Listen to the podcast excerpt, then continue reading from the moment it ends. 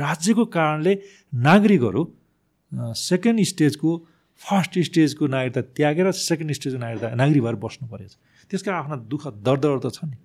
बाह्य brain drain भएको छ नि। त्यो ब्रेन ड्रेनलाई यहीँ चाहिँ देशमा राख्न सक्ने राज्यको नीति अझै पनि हुन सकेन। बुहारी र छोरी बिचमा विभेद हो तर आमाले पाउने आमाले नागरिकता दिने सम्बन्धमा विभेद छैन। या जन्मको आधारमा वंशजको नागरिकता दिने त्यो विभेद छैन। या वंशजको आधारमा नागरिकता दिने जो चाहिँ आमा बाबु चाहिँ स्टेट लेख्ने छन् आमा बाबु भेटिँदैनन् जो चाहिँ विदेशबाट बच्चा जन्माएर आएछन् विदेशी भन्ने पत्ता लागेको छैन त्यतिखेर आमाले घोषणा गरिन् भने तिनका सन्तानलाई वंश दिने यदि विदेशी ठरियो भने तिनीहरूलाई फेरि अङ्गीकृत चार्ने। तराईको कन्टेक्समा जुन बिहा गर्ने कुरा छ त्यसलाई चाहिँ लुप होल जस्तो युज गरेर भोलि गएर हाम्रो हाम्रो लिगल सिस्टममै हाम्रो यो भनौँ न यो इलेक्ट्रोल सिस्टममै केही हिसाबले तलमाथि गर्न सकिएला कि इन द फ्युचर भन्ने कन्सर्नहरू आउँछ। त्यो कतिको लजिकल कन्सर्न हो? निजगढ विमानस्थल यदि चाहिँ टु लेनको मात्रै बन्ने भने उन्नाइस हजार हेक्टर होइन हाम्रो चाहिँ केही चाहिँ हेक्टरमा आठ सय हेक्टर या बाह्र सय हेक्टरमा जस्तो हेत्रो विमानस्थल छ त्यो पनि संसारै ठुलो हाम्रो आठ सय हेक्टर पनि हुन्छ।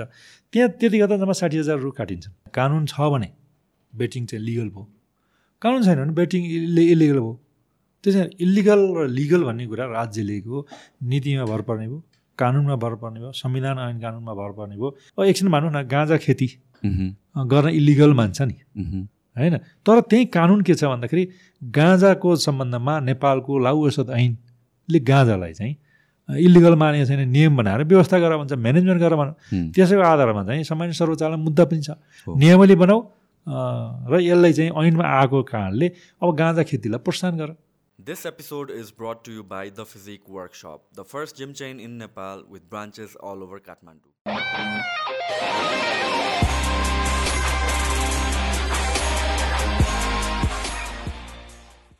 Doctor Chandrakant Gewaliji thank you so much आउनुभएकोमा first of all तपाईँको यो स्पेसली हामीहरू आज डिस्कस गर्न लागेको रिगार्डिङ सिटिजनसिप हो र त्यहाँको तपाईँको एक्सपर्टिज पनि छ। तपाईँले बुक्सहरू पनि थुप्रै लेख्नु भएको छ तपाईँको यो लमा चाहिँ इन्भल्भमेन्टको बारेमा अलिकति थोरै इन्ट्रोडक्सन दिनुहोस् न। पहिलो चाहिँ मलाई जुन बोलाउनु भयो त्यसलाई चाहिँ धेरै धेरै धन्यवाद छ। वास्तवमा म लमा कसरी चाहिँ इन्ट्रोड्युस गरेँ अथवा कसरी प्रवेश गरेँ भनेर भन्दाखेरि म गुल्मीमा जन्मेको मान्छे गुल्मी हुँदै म काठमाडौँ आएको दुई हजार बयालिस सालमा हो। म एसएलसी पास गरिसकेपछि यहाँ चाहिँ त्यहाँ टिचर भएर टिचिङ गर्ने या त्यसको फर्दर स्टडी गर्ने भनेर मेरो दुईवटा विकल्प थियो। टिचिङ गर्न पाइएकै थियो। त्यसैले धेरै चाहिँ त्यहाँका बुवा आमाहरूले टिचिङ गर्नुपर्छ भनेर त्यहाँ रोक्न खोज्नु भएको थियो त्यहीँ राख्नु खोज्नु भएको थियो। तर म चाहिँ टिचिङ गर्नलाई एसएलसी पास मात्रै हुन्छ। म मेरो फर्दर स्टडी गर्नुपर्छ भने म काठमाडौँ आएँ। काठमाडौँ आइसकेपछि मेरो चाहिँ गाउँमा पढ्यो हुनाले त्यति धेरै मार्क्स चाहिँ थिएन एसएलसीमा। त्यसैले डक्टर निकाल्ने या साइन्स पढ्ने यस्तो चाहिँ मेरो प्रतिशत नपुग्ने भावनाले म चाहिँ पहिलोपटक यहाँ कसरी टिक्ने भन्ने मात्रै भयो। कसरी टिक्ने भन्दाखेरि यहाँ आएर जुन चाहिँ केही न केही त काम त गर्नु पऱ्यो त्यसरी टिकिँदैन अनि पढ्नलाई चाहिँ केही पैसा जुटाउनु पऱ्यो। जुटाउने भनेपछि अब के गर्ने भनेपछि एउटा लेखनदास भन्ने पाइन्छ। त्यो लेखनदास गर्दा केही चाहिँ पैसा हुनसक्छ। र यहाँ चाहिँ डेरा भाडा तिर्न सकिन्छ। त्यसपछि पढ्ने काम गर्न सकिन्छ भने कसैले सल्लाह दिएपछि। म चाहिँ लेखनदास गर्न झन्डै झन्डै एक वर्ष जति म जिल्ला अदालतमा बसेको थिएँ। लेखनदास गरेर लेख्ने काम त्यतिखेर टेन टु फाइभसम्म लेख्ने काम हुन्थ्यो फोटोकपी थिएन। फोटोकपी नभएको हुनाले साठी पैँसठी पेज नेपाली कागजमा मुद्दाहरू लेख्नु पर्थ्यो सार्नु पर्थ्यो मिसिल। त्यो सारेपछि केही पैसाहरू मैले जम्मा गरेँ। जम्मा गरिसकेपछि एकाध वर्ष पछाडि चाहिँ अब वकिल बन्ने कसरी भन्ने चाहिँ मलाई थाहा थिएन। ओ माने वकिल भन्ने चाहिँ थियो तर चाहिँ वकिल के हो कसरी पढ्नुपर्छ के पढ्दा वकिल बनिन्छ भन्ने थाहा थिएन। होइन साइन्स पढेर बायोलोजी पढेर डक्टर बनिन्छ भन्ने थाहा थियो। त्यो चाहिँ मा मानस पटलमा थियो। तर लयर भन्ने वकिल भन्ने चाहिँ थाहा थिएन। र कसैले चाहिँ यो त्यहाँ जिल्ला अदालतमा एउटा डिस्कसन चलिरहेको थियो माथि उसमा। एउटा तलामा त्यसपछि त्यहाँ हेर्न जाँदाखेरि भयङ्कर डिस्कसन चलेको दुईतर्फ चाहिँ दुईवटा मान्छेले चिचाइरहेका कराइरहेका होइन? एकतिर चाहिँ एकजना बसिरहेको अरू त्यहाँ धेरै मान्छे जम्मा भएका। के हो यो भनेको यो बहस हो भने बहस कसरी हुन्छ भन्दाखेरि ल पढ्नुपर्छ भनेपछि। ल पढ्ने कहाँ हो भन्दा ल क्याम्पसमा। ल क्याम्पसमा चाहिँ पढेपछि ल लयर बनिन्छ भनेपछि अनि त्यहाँ फाँटवालालाई ल ल क्याम्पस देखाउनुहोस् भन्यो। देखाउनु भनिसकेपछि अनि धेरै समयसम्म उसले देखाएन र पछि चाहिँ धेरै कर गरेपछि ल क्याम्पस गएर अनि त्यहाँ जाँदाखेरि परीक्षा दिने बेला आइरहेको रहेछ। एडमिसन हुन सक्दैन भने म लेखनदास हुँ भनेपछि त्यहाँको डिनले ए लेखनदास हो भने ल एडमिसन गर्नुहोस् तपाईँ चाहिँ पास गर्न सक्नुहुन्छ। दुई महिना बाँकी छ भने हुनाले म चाहिँ त्यहाँ लेखनदास भएको कारणले म आइएलमा भर्ना भएको थिएँ। आइएल भर्ना भइसकेपछि दुई महिना जति पढेँ दुई महिना पढेपछि अनि म चाहिँ जुन कार्यविधि कारणमा सबैभन्दा बढी नम्बर पनि ल्याएँ। त्यो एउटा छ दुई महिना पढेपछि अनि सबै पास गरेँ। त्यसपछि म चाहिँ धेरै त्यहाँ जान सकिनँ त्यहाँ किनभने मेरो लेख्ने काम थियो। म यता अदालतमा लेखिरहने त्यहाँ चाहिँ कहिलेकाहीँ जाने। त्यो गरेर भने आइएल पनि म राम्रोसँग पास गरेँ। त्यसपछि अभिवक्ताको लाइसेन्स लिएँ। अभिवक्ता प्लिडर भन्छ त्यो प्लिडर चाहिँ चालिस सालमा लिइसके पछाडि मैले आफ्नो ल फर्म खोलेँ लेखनदास छोडिदिएँ।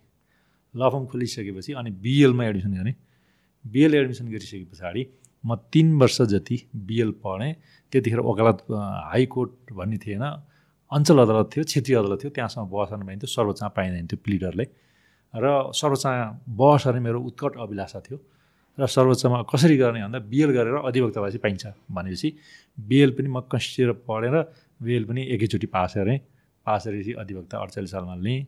अडचालिस सालदेखि म चाहिँ निरन्तर छब्बिस वर्षसम्म अधिवक्ताको रूपमा म वकालत गरेँ आफ्नो ल फपमा झन्डै सात आठजना नौजना दसजना जति मान्छेहरू मैले आफ्नो सहयोगी राखेर त्यसरी गर्दै गएर छब्बिस वर्ष पछाडि म वरिष्ठ अधिवक्ता सम्मानित सर्वोच्च हालको फुल कोर्टले दियो र फुल कोर्टले दिएपछि अहिले सात वर्षदेखि वरिष्ठ अधिवक्ताहरूमा म प्र्याक्टिस गरिरहेको छु।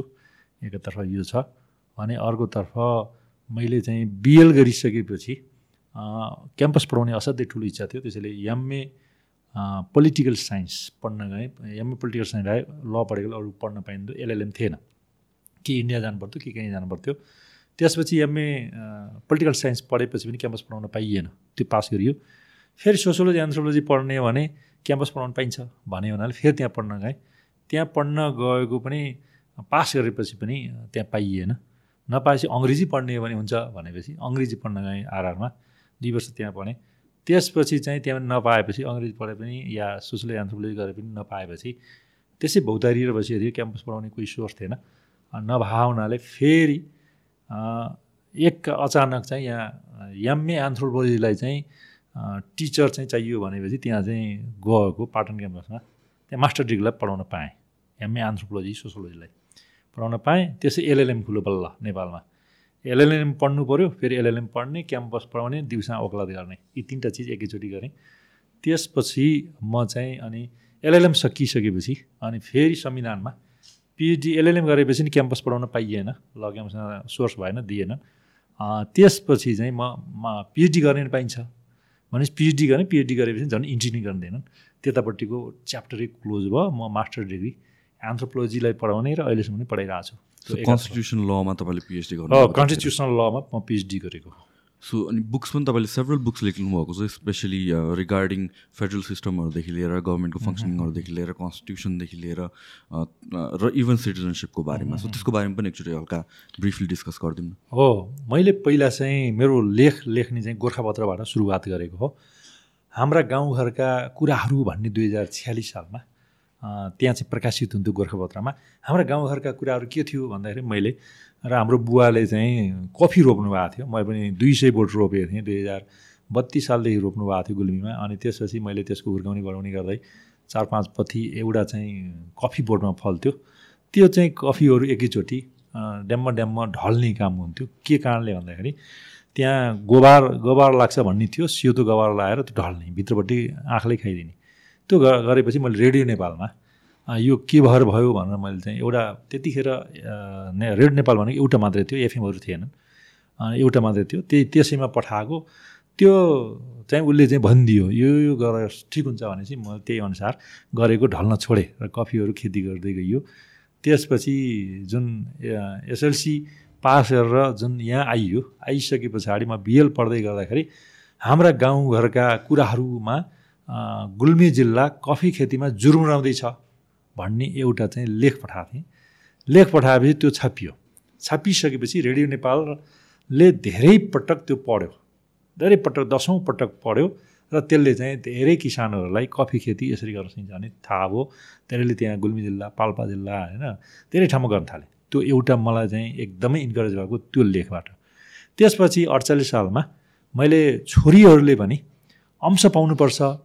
यो जायज कि नाजायज भनेर चाहिँ एउटा गोर्खापत्रमा लेख लेखेँ। लेख लेखेपछि त्यो चाहिँ लेख पनि झन्डै झन्डै पन्ध्र सोह्रचोटि रेडियो नेपालले पुग्यो त्यो लेखलाई चाहिँ नेपाल टेलिभिजनले प्रसारण गरेको थियो। प्रसारण गरेपछि धेरै छोरीहरू जुरुम्राए र जुरुम्राएपछि ओहो छोरीले पनि अंश पाउनुपर्ने रहेछ छोराले मात्रै होइन रहेछ भन्ने त्यो कुरा भयो। त्यो भइसकेपछि अनि अडचालिस पचास साल एकाउन्न सालतिर त्यसको आधारमा एकजना अधिवक्ताले छोरीले पनि छोरा छोरा अंश पाउनुपर्छ भनेर हाल्नुभयो र हालिसकेपछि कोर्टले व्याख्या गर्यो। त्यो व्याख्या गरेपछि मैले पनि त्यसमा धेरै चाहिँ लेखहरू कुरापत्रमा लेख्ने काम गरेँ। त्यसपछि मैले लेख्ने चाहिँ काम ना कान्तिपुर दैनिकमा एकाउन्न सालदेखि अडसट्ठी सालसम्म सात दिन पन्ध्र दिनमा चाहिँ लगातार मैले लेख्थेँ अडसट्ठी सालसम्म लेखेँ।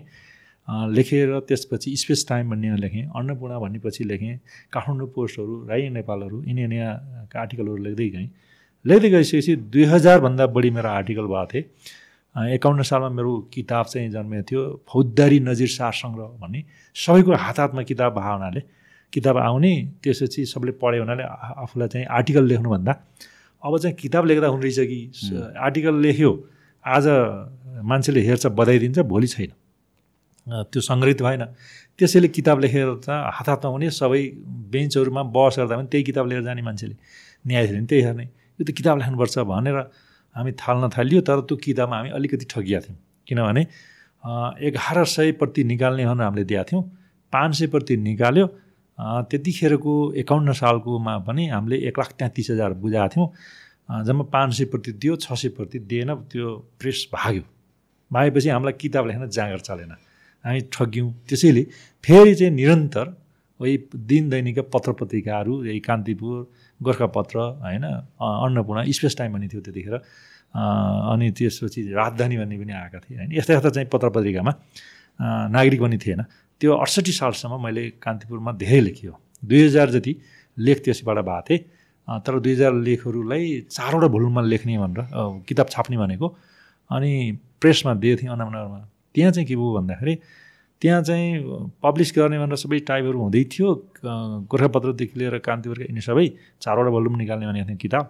तर त्यहाँको प्रेसको जुन मान्छे हुनुहुन्थ्यो उहाँ चाहिँ बाहिर गयो होला उहाँको श्रीमतीले। त्यो सिसी टुक्राहरू काज टुक्राहरू भन्नेलाई यो त बेचिदिनु भएछ। बेचिदिएपछि त अनि उहाँलाई भने भनेको थिएँ उहाँ बेचिदिएछ बर्बाद हो के गर्ने कसो गर्ने भन्न थाल्नुभयो। अब के गर्नु? अब गइसक्यो भने गइसक्यो त। अब कसरी के गर्ने? अब त्यो किताबहरू हाम्रो लेखाइमा रहन्छ मेरो भाग्यमा रहन्छ।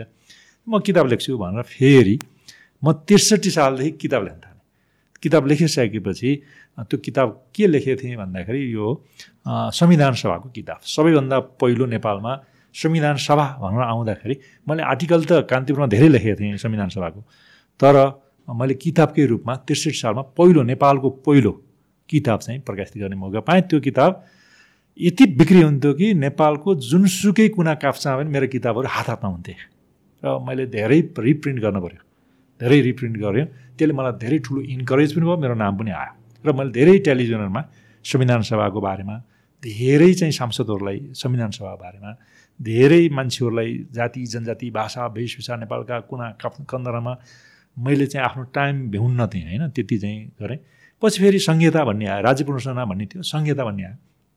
संहिता भनेपछि अब किताब कसैले लेखेन? त्यसैले त्यो किताब पनि संहिताको बारेमा पनि संसारको के रहेछ भनेर संहिताको बारेमा पनि किताब लेखेँ। त्यो पनि पहिलो किताब हो। राज्य पुनर्संरचना र सङ्घीय शासन भन्ने लेखेको थिएँ। त्यो लेखिसकेपछि त्यो पनि पहिलो किताब हो। त्यो पनि धेरै पचासौँ हजार प्रति बिक्री भयो।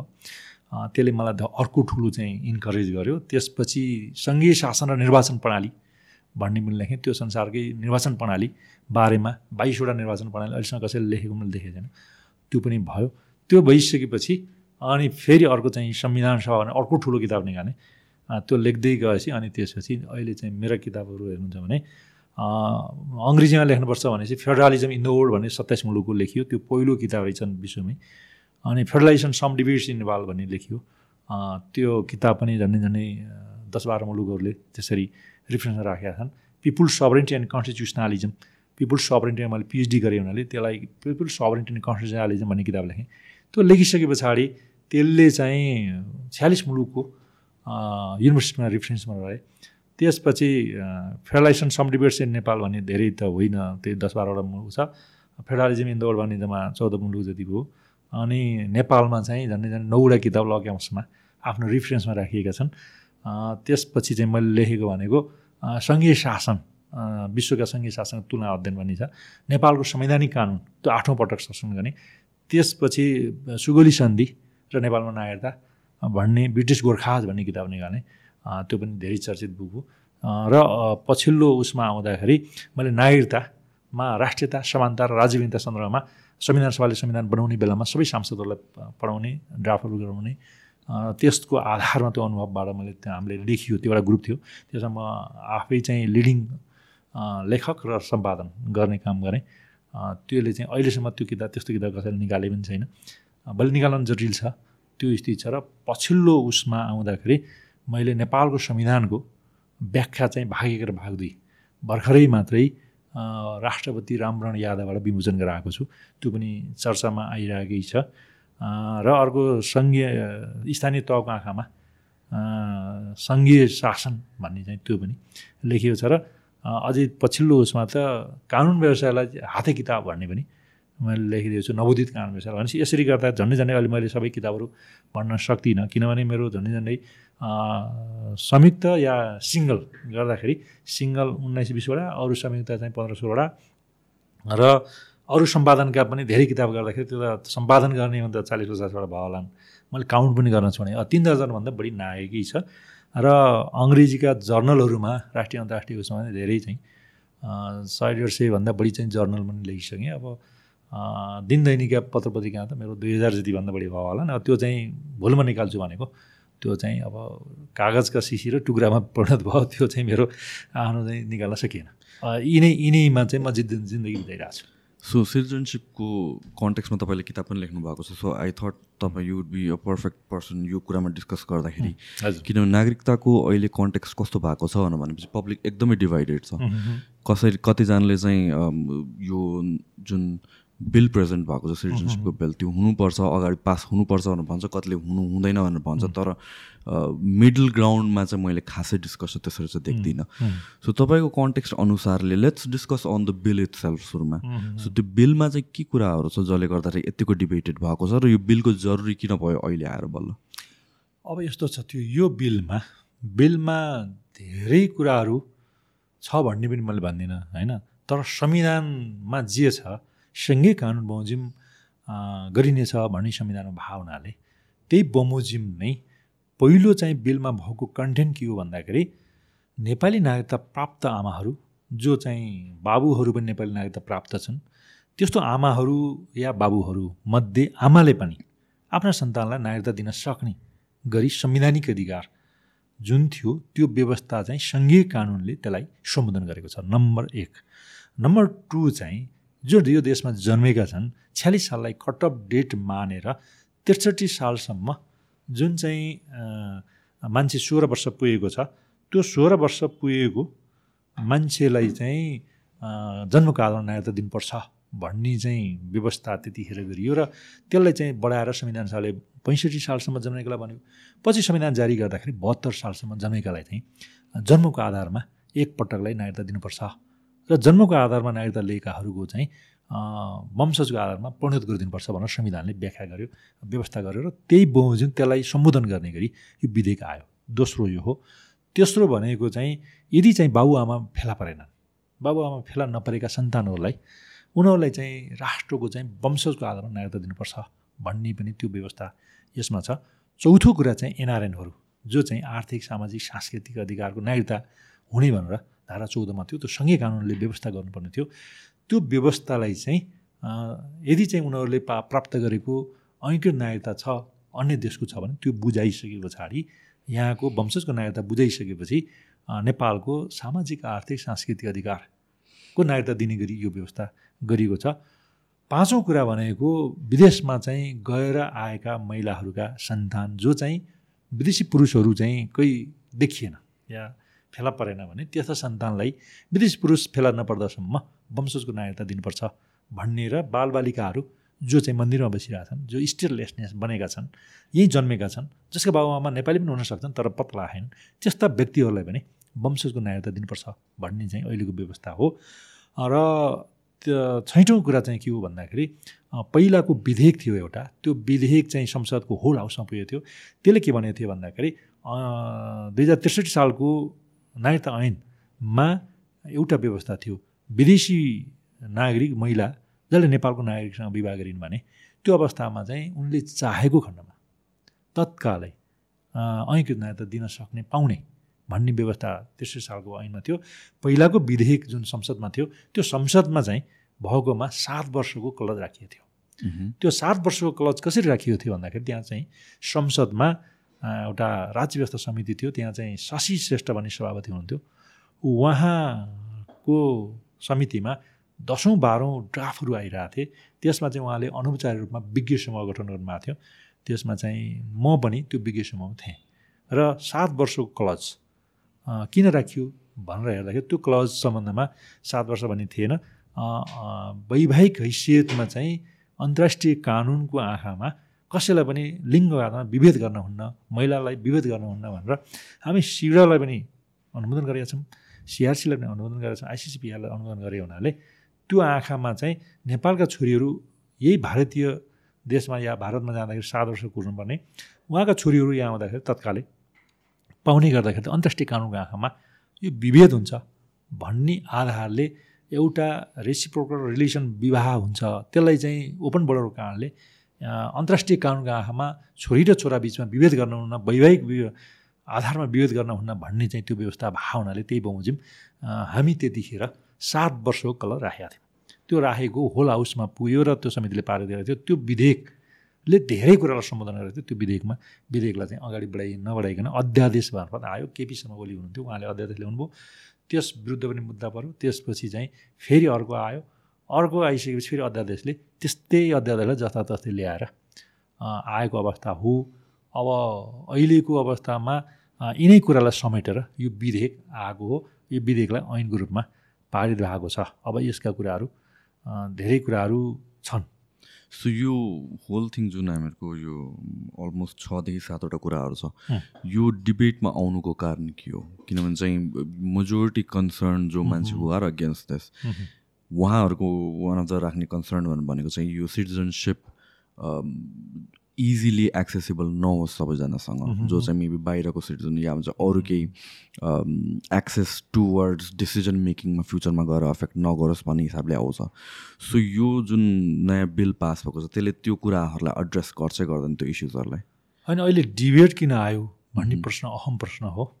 डिबेट किन आयो भनेर हेर्नुहुन्छ भने नागरिकता भनेको के हो भनेर हेर्नुहुन्छ भने पहिलो चाहिँ राष्ट्रियता प्राप्ति जसले गर्दछ त्यसले नागरिकता प्राप्तिका आधारहरू भन्दछ जसले नागरिकता प्राप्ति गर्छ राष्ट्रियता प्राप्ति नगर्न पनि सक्छ। जसले राष्ट्रियता प्राप्त गर्छ त्यसले नागरिकता प्राप्त गर्नै पर्छ। त्यो देशको कर्तव्य हो। राष्ट्रको ड्युटी पनि हो। त्यसैले अहिलेको अवस्थामा संसारमा दुईवटा यसका चाहिँ सिद्धान्त छन्। एउटा सिद्धान्त चाहिँ एकदमै कठोर नीति अप्नाउनुपर्छ भन्ने हुन्छ। दोस्रो नरम नीति अप्नाउनु पर्ने हुन्छ। जस्तो त क्यानाडा र अमेरिका हेर्नुहुन्छ या ब्राजिल भन्नुहुन्छ या रसियाहरू ठुला मुलुक छन् जहाँ चाहिँ जनसङ्ख्या कम छ भने त्यतिखेर उनीहरूलाई चाहिँ यो कठोर नीति अप्नाउनु भन्ने होइन। तिनीहरूले सार्वभौमिकताको सिद्धान्त अप्नाउनु पर्दैन। या अयुवेदको नीति पनि अप्नाउनु पर्दैन। या क्यारिङ क्यापेसिटी पनि हेर्न पर्दैन। उनीहरूले चाहिँ जुनसुकै संसारका मान्छेहरूलाई ग्रिन कार्डदेखि ऐकृत नागरिकता पनि दिन सक्छन्। तर त्यस्ता मुलुक हुन्छन् जहाँ चाहिँ जुन मुलुक सानो मुलुक छ जहाँ चाहिँ जनसङ्ख्या ठुलो छ जहाँ ओपन बोर्डर छ त्यस्तो अवस्थामा चाहिँ त्यो देशको राज्यले चाहिँ कस्तो नीति लिने भन्ने चाहिँ अहम प्रश्न हुन्छ। त्यो नीति लिने भनेको कस्तो नीति लिने भन्दाखेरि कडा नीति लिनुपर्छ भन्ने संसारकै मान्यता हुन्छ। दुई सय उन्नाइस मुलुक मध्ये हामी चाहिँ एक सय बिस मुलुकको अध्ययन गरेका थियौँ। एक सय बिस बिस मुलुकमा चाहिँ वंशजको आधारमा नागरिकता दिनुभएछ भने एक सय बाह्र मुलुक हेर्नुहुन्छ जस सोली भन्छ माटोको नातामा माटोको नाता हुन्छ जहाँ जन्मिन्छ त्यसको चाहिँ नागरिकता दिने रहेछ। र आमा र बाबु आमा वा बाबु भन्ने पनि एक सय चार मुलुक ले दिँदो रहेछन्। भनेपछि त्यो आफ्नो देशको चाहिँ नीति हुन्छ जस्तो कसैमा चाहिँ दोहोरो नागरिकता पनि छ ओभरसिजको चाहिँ नागरिकता पनि छ। कसैमा चाहिँ ओभरसिजको नहुन सक्छ जस्तो भारतमा ओभरसिजको नागरिकता छ बाहिर इन्डियन मुलका नागरिकहरू विदेश गयो भने नेपाल इन्डियामा फर्क्यो भने त्यहाँ पनि केही चाहिँ आर्थिक लगानी गर्ने चाहिँ अधिकार छ तर पासपोर्ट लिने राजधानी लिने अधिकार छैन। यी बङ्गलादेशमा पनि छैन। तर हामी कहाँ पनि आर्थिक सामाजिक सांस्कृतिक अधिकार दिने भनियो तर राजनीतिक अधिकार त दिएन। राजनीतिक अधिकार किन दिएन भन्दाखेरि यहाँको नागरिकता त्यागेर। या अन्य देशको चाहिँ अङ्गीकृत नागरिकता लियो भने कायम रहने छैन यहाँको नागरिकता भन्ने पनि कानुन व्यवस्था छ। त्यो स्थितिले गर्दाखेरि ओभरसिजको नागरिकता नेपालमा पनि छैन इन्डियामा पनि छैन अन्य मुलुक हेर्नुहुन्छ भने कतिपय मुलुकहरू बाहिर गएछन् छन् भने ती मुलुकका मान्छेहरू आफ्नो देशभित्र त्यसको प्रविधि भित्राउन त्यसको एक्सपर्टिज भित्राउन या अपर्च्युनिटी खोज्नलाई गइरहेछन् भने आफ्नै मुलुकको नागरिक हो भावनाले त्यो नागरिक आफ्नै नागरिक हुन्छ फर्स्ट स्टेजको नागरिक हुन्छ। हामी फर्स्ट स्टेजको नागरिक फर्स्टको भने दोस्रो स्टेजको किन बनाउने हामीले राज्यबिन त गराउनु गराउनु तर पहिलो स्टेजको नागरिकलाई दोस्रो स्टेज चाहिँ हामी बनाउनु हुन्न भन्ने चाहिँ स्टेटलेसनेसको पनि हामी पार्टी भावनाले त्यो चाहिँ धेरै ख्याल गर्छन्।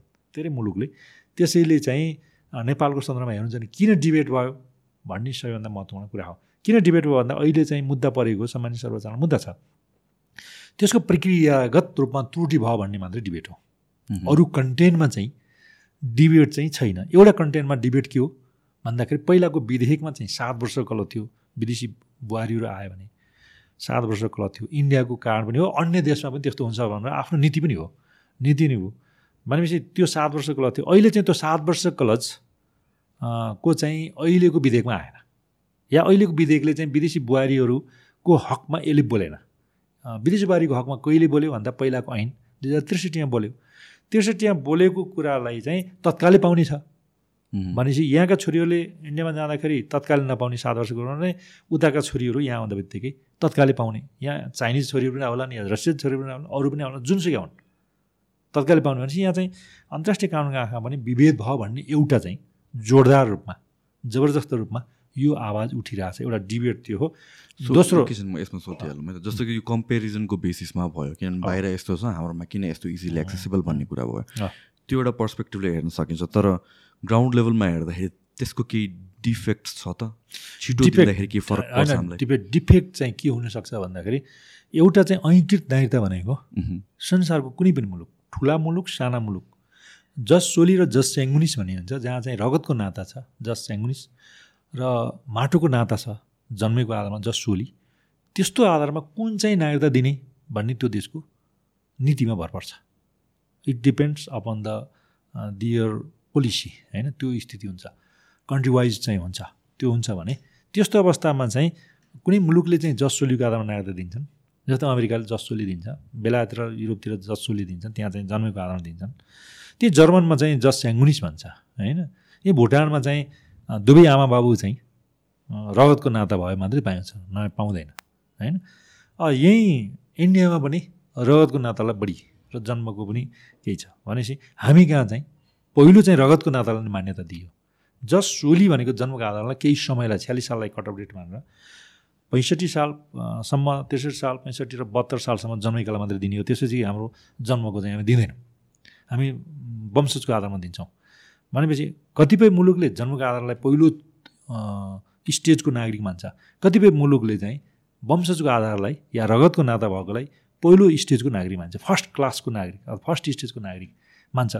अब दोस्रो चाहिँ के भन्दाखेरि नेचुरलाइजेसन होइन? त्यसपछि ऐङ्कृत नेचुरलाइजेसन भनेको राष्ट्रियता प्राप्तिका प्रक्रियाहरू हुन्। राष्ट्रियता प्राप्त गर्नको लागि नै नेचुरलाइजेसन दिने हो। राष्ट्रियता प्राप्त गरेपछि नागरिकता प्राप्तको आधारहरू बन्दछन्। त्यसैले हामी कहाँ डिबेट भएको चाहिँ कारण के हो? होइन यो चाहिँ यसले इम्प्याक्ट पार्छ पार्दैन। यसको प्रभाव पर्छ पर्दैन। भन्दा अन्तर्राष्ट्रिय कानुनको आँखामा हामी रेटिफाई गरेका छौँ सिआरपिडीलाई सिआर आइसिपिआरलाई या सिडलाई महिला विरुद्धका अमेला कानुनहरू सम्बन्ध महासन्धि। या चाहिँ सिआरसी चाइल्ड राइट कन्भेन्सन छ त्यसलाई पनि हामी रेटिफाई गरेका छौँ। त्यो त अन्तर्राष्ट्रिय कानुनको मामला भयो। नागरिकता भनेको अन्तर्राष्ट्रिय कानुनको मामला पनि हो।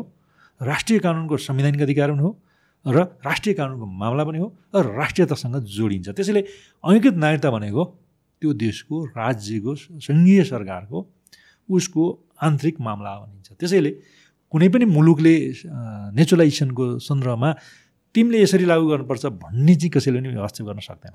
र आफ्नो देशको उसको क्यारिङ क्यापेसिटी हेर्छ क्यारिङ भार वहन कति हुनसक्छ रिसोर्सहरू कति छ जनसङ्ख्या के छ भूगोल के छ त्यो हेर्छ।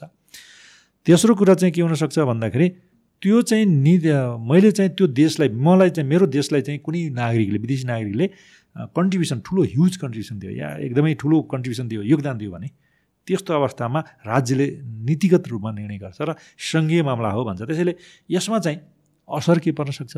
विदेशी बुहारीहरू यहाँ आउँदाखेरि या नेपाली छोरीहरू बाहिर जाँदाखेरि भन्दाखेरि हामी चाहिँ यी चाहिँ तिन चारवटा कन्भेन्सनलाई चाहिँ हामी रेडिफाई गरेका छौँ। अन्तर्राष्ट्रिय कानुनको आँखामा विभेदीकरण हुने भन्नाले त्यो असर पर्ने भन्ने हो। अब हाम्रो चाहिँ बिहा गरेर यहीँ घरमा भित्राउने भने त्यो असर पर्छ पर्दैन भनेर बिहा गर्ने चाहिँ आफ्नो छोराहरू त बुहारी हो नि त। बुहारीलाई नारी त नदिने भन्ने त प्रश्न भएन नि त। होइन? भोलि चाहिँ छोरीहरूले ज्वाइँ लिएर आउँदाखेरि नारी त दिने कि नदिने भन्ने त फेरि संविधानमा छैन। संविधानमा नीति छैन सरकारको नीति छैन। ज्वाइँको हकमा त हामीले बोलेकै छैनौँ। भने बुहारीको हकमा चाहिँ हामी बोलिसकेपछि तत्कालै दिने या सात वर्षपछि दिने भन्ने प्रश्न थियो। जस्तो दुई हजार नौ सालमा कुनै पनि विदेशी बुहारी आइयो भने तत्काल दिने थियो होइन? त्यसपछि उन्नाइस सालको संविधान या बिस सालको संविधान बिस सालको ऐन त्यो नागरिकता ऐन थियो। त्यो ऐनमा पनि बाह्र वर्षको कुराहरू थियो। पछि त तेत्तिस सालको ऐन आयो। त्यतिखेर पाँच वर्षको भयो। तर त्यहीँ चाहिँ विदेशी जुन चाहिँ नागरिक हुन्छ पुरुष हुन्छ त्यहाँ त फेरि बा पन्ध्र वर्ष बस्नुपर्ने। यहाँ चाहिँ अङ्कित नागरिकता लिनलाई भनेपछि त्यो त राज्यको नीति थियो। पछि चालिस साल या पछि सत्तालिस साल संविधान पछाडिका ऐनहरू बाह्र वर्ष लाग्यो तर पछि चाहिँ फेरि त्रिसठी सालमा तत्कालै पाउने भयो। भने पहिला दिने पनि रहेछ लिने पनि रहेछ फेरि रोकिए पनि रहेछ। यो त राज्यको नीति हो। राज्यले किन यस्तो नीति बनाइस् भनेर प्रश्न गर्ने कुनै पनि नागरिकलाई त्यो राइट हुन्न। किनभने त्यो राष्ट्रको सार्वभौमिकतासँग जोडिन्छ। कति मान्छे ब्याएर ल्याउने भन्ने प्रश्न गर्दाखेरि हामी माइनोरिटी पर्ने हो कि? अल्पमतमा पर्ने हो कि आफ्नो ओरिजिनालिटी सकिने हो कि आफ्नो देशै सकिने हो कि आफ्नो राष्ट्र स्वतन्त्रै नरहने कि सार्वभौमिकताको प्रश्न उठ्ने हो कि भन्ने कुरालाई इम्प्याक्ट पर्न सक्छ। त्यो त राज्यको नीति हो। त्यसैले त्यो इम्प्याक्ट पर्न सक्छ। त्यसैले यो डिबेट हो। सो यो टाइम अनुसारले यो यो पोजिसन हामी कहाँ स्ट्यान्ड गर्छौँ? It can be variable change हुनसक्छ। हुनसक्छ। ओके जस्तो पहिला पनि फेरि चेन्ज हुनसक्छ। हिजो चाहिँ नौ सालको ऐनमा तत्कालै विदेशी महिलाहरूलाई पनि नागरिकता तत्कालै दिन्थ्यो। तिनीहरू त्यतिखेर किन दियो? भन्दाखेरि त्यतिखेर जनसङ्ख्या कम थियो। सो यो भनेको चाहिँ जस्तो कि अमेरिकाको केसमा ग्रिन कार्ड कतिको इस्यु गर्ने नगर्ने भने भने जस्तो डिपेन्डिङ अपन द पपुलेसन कतिको छ डेन्सिटी मोडलेस त्यस्तै नै पर्ने ग्रिन कार्ड त आफैमा नागरिकता होइन आवश्यक भिसा हो। ग्रिन कार्ड भएकोलाई चाहिँ नेपालमा फेरि यहाँको वंशजको नागरिकता छ तर तारा दुई सय एकानब्बेमा ग्रिन कार्ड भएको आवश्यक भिसा भएको छ भने त्यसलाई चाहिँ भोट हाल्ने पाउने अधिकार छैन। यहाँको नागरिकता निष्क्रिय छ राजनीतिक अधिकार पनि खुम्चिन्छ। भनेपछि अन्य देशमा चाहिँ अङ्कृत नागरिकता कसलाई दिने भन्ने ठुला राष्ट्रको नि सोच्ने विषय हुन्छ र ग्रिन कार्ड को कसलाई दिने भने त्यो हुन्छ तर जस सेङ्गुनी र जस सोली चाहिँ फर्स्ट स्टेजको नागरिकलाई दिन्छ त्यही देशमा जन्मेको भयो भने जन्मको आधारमा दिने भने त्यो पहिलो स्टेजको चाहिँ नागरिक हो। होइन रगतको नातालाई दिने भन्ने नीति भयो भने रगत नाताको पहिलो चाहिँ स्टेजको नागरिकता भयो। हामीबाट चाहिँ विदेश जान्छ र अङ्गीकृत नागरिकता लियो भने त यहाँको नागरिकता कायम रहन्न। यहाँको पहिलो स्टेजको नागरिकता नागरिक गयो सकियो। भने अब त्यो देशमा चाहिँ दोस्रो स्टेजको नागरिक हुन्छ। हामी दोस्रो स्टेजको नागरिक किन बन्न गइरहेछौँ? भन्दाखेरि यो देशमा साँच्चीकै राज्यले चाहिँ शिक्षामा चाहिँ विकास निर्माणभन्दा शिक्षामा ठुलो लगानी गरेर शिक्षा जति सबै संसारको शिक्षा यहाँ पाइन्छ भने त बाहिर शिक्षाको लागि जाँदैन थिएन होला नि त। होइन यहाँ रोजगारहरू उद्योग धन्दाहरू प्रत्येक घर घरमा चाहिँ उद्योग खोला भनेर उद्योग मैत्री वातावरण बनाइदिएर उद्योग लगानी मैत्री चाहिँ राज्यले लगानी गरिदिएको भए। यहाँ त हजारौँ लाखौँ मान्छेहरू नेपालका मान्छेहरू त बाहिर गल्फ कन्ट्री यहाँ जानै पर्ने थिएन विदेश जानै पर्ने थिएन। यहीँ बस्थ्यो होला रोजगारी यहीँ सिर्जना हुन्थ्यो होला। रोजगारी पनि सिर्जना छैन स्वास्थ्य उपचार पनि यहाँ चाहिँ कम्प्लिट छैन र शिक्षा त छँदै छैन। यो केही चाहिँ टेन प्लस टूसम्म होला एसएलसम्म यहीँ बस्लान्। त्यसपछि ब्याचलर लेभलदेखि त मान्छे चाहिँ बाहिर नजाने भन्ने कुनै पनि घरमा कुनै पनि युवाहरू जानु कारण के भन्दा राज्यको चाहिँ एउटा केन्द्रबिन्दु के हुनु पर्थ्यो भन्दाखेरि शिक्षा स्वास्थ्य र रोजगार। यति कुरामा नि शुल्क दिने र संसारको शिक्षा संसारको रोजगार मान्छेहरू संसारका मान्छे नि यहाँ आउने। हामी एग्रो इन्डस्ट्री पनि गर्न सक्थ्यौँ होला इको टुरिज्म गर्न सक्थ्यौँ होला होइन? यहाँ चाहिँ यति चाहिँ हामी यति रिच छौँ हाम्रा नेचुरल रिसोर्सेसहरू होइन? यहाँ के छैन भनौँ न संसारकोमा नभएको कुराहरू तिन तहका तिनवटा चाहिँ सिजनहरूमा तिनवटा हिमाल पहाड तराईहरू छन् होइन? जङ्गल यत्रो छ्यालिस पर्सेन्ट छ कार्बन उत्सर्जनहरू छ र जडीबुटीहरू त्यत्तिकै छन्। हाम्रा यहाँ उद्योग धन्दाहरू सबै चाहिँ खनिजहरू निकालेकै छैन। यी चाहिँ भर्जिन अवस्था छ। भर्जिन अवस्थामा चाहिँ राज्यले त्यसलाई चाहिँ दृष्टि लगाउनु पर्थ्यो र सबै सब समग्र चाहिँ लगानीहरू त्यसमा चाहिँ जानुपर्थ्यो। शिक्षा स्वास्थ्य र रोजगारी। यति कुरा भइदिएको भए अहिले संसारमा चाहिँ संसारकै कम्पिट गर्ने छ नि। ब्याङ्किङ सेवा पनि कम्पिट गर्ने छ नि। तर स्वास्थ्य सेवा पनि केही चाहिँ हदसम्म आयो तर स्वास्थ्यले पनि अझै पनि पुरा भएन। शिक्षा र रोजगार त हुँदै भएन। सबै मान्छे ब्याचलर भएपछि बाहिर जाने भए। केही छन् केही होलान् तर त्यसले रोजगारी सिर्जना गर्ने शिक्षा भएन। यो स्थितिले गर्दाखेरि बाहिर जानु पऱ्यो बाहिर जाँदाखेरि उसले चाहिँ आफ्नो नागरिकता त्यागेर फर्स्ट स्टेजको नागरिकता त्यागेर दोस्रो स्टेजको नागरिक नागरिक हुन जानु पऱ्यो बाध्यता छ नि त। त्यो त राज्यले गराएको नि। राज्यको कारणले नागरिकहरू सेकेन्ड स्टेजको फर्स्ट स्टेजको नागरिकता त्यागेर सेकेन्ड स्टेजको नागरिकता नागरिक भएर बस्नु परेछ। त्यसका आफ्ना दुःख दर्दहरू त छ नि। बाह्य ब्रेन ड्रेन भएको छ नि। त्यो ब्रेन ड्रेनलाई यहीँ चाहिँ देशमा राख्न सक्ने राज्यको नीति अझै पनि हुन सकेन। त्यो कारणले यो चाहिँ राज्यको यो नागरिकताको सवालमा नेचुरलाइजेसनको सवालमा राज्यको चाहिँ नीतिमा भर पर्छ। त्यसमा चाहिँ यो डिबेट चाहिँ तिमीले चाहिँ दिनैपर्छ भन्ने पनि होइन त्यस कारण डिबेट आउँछ।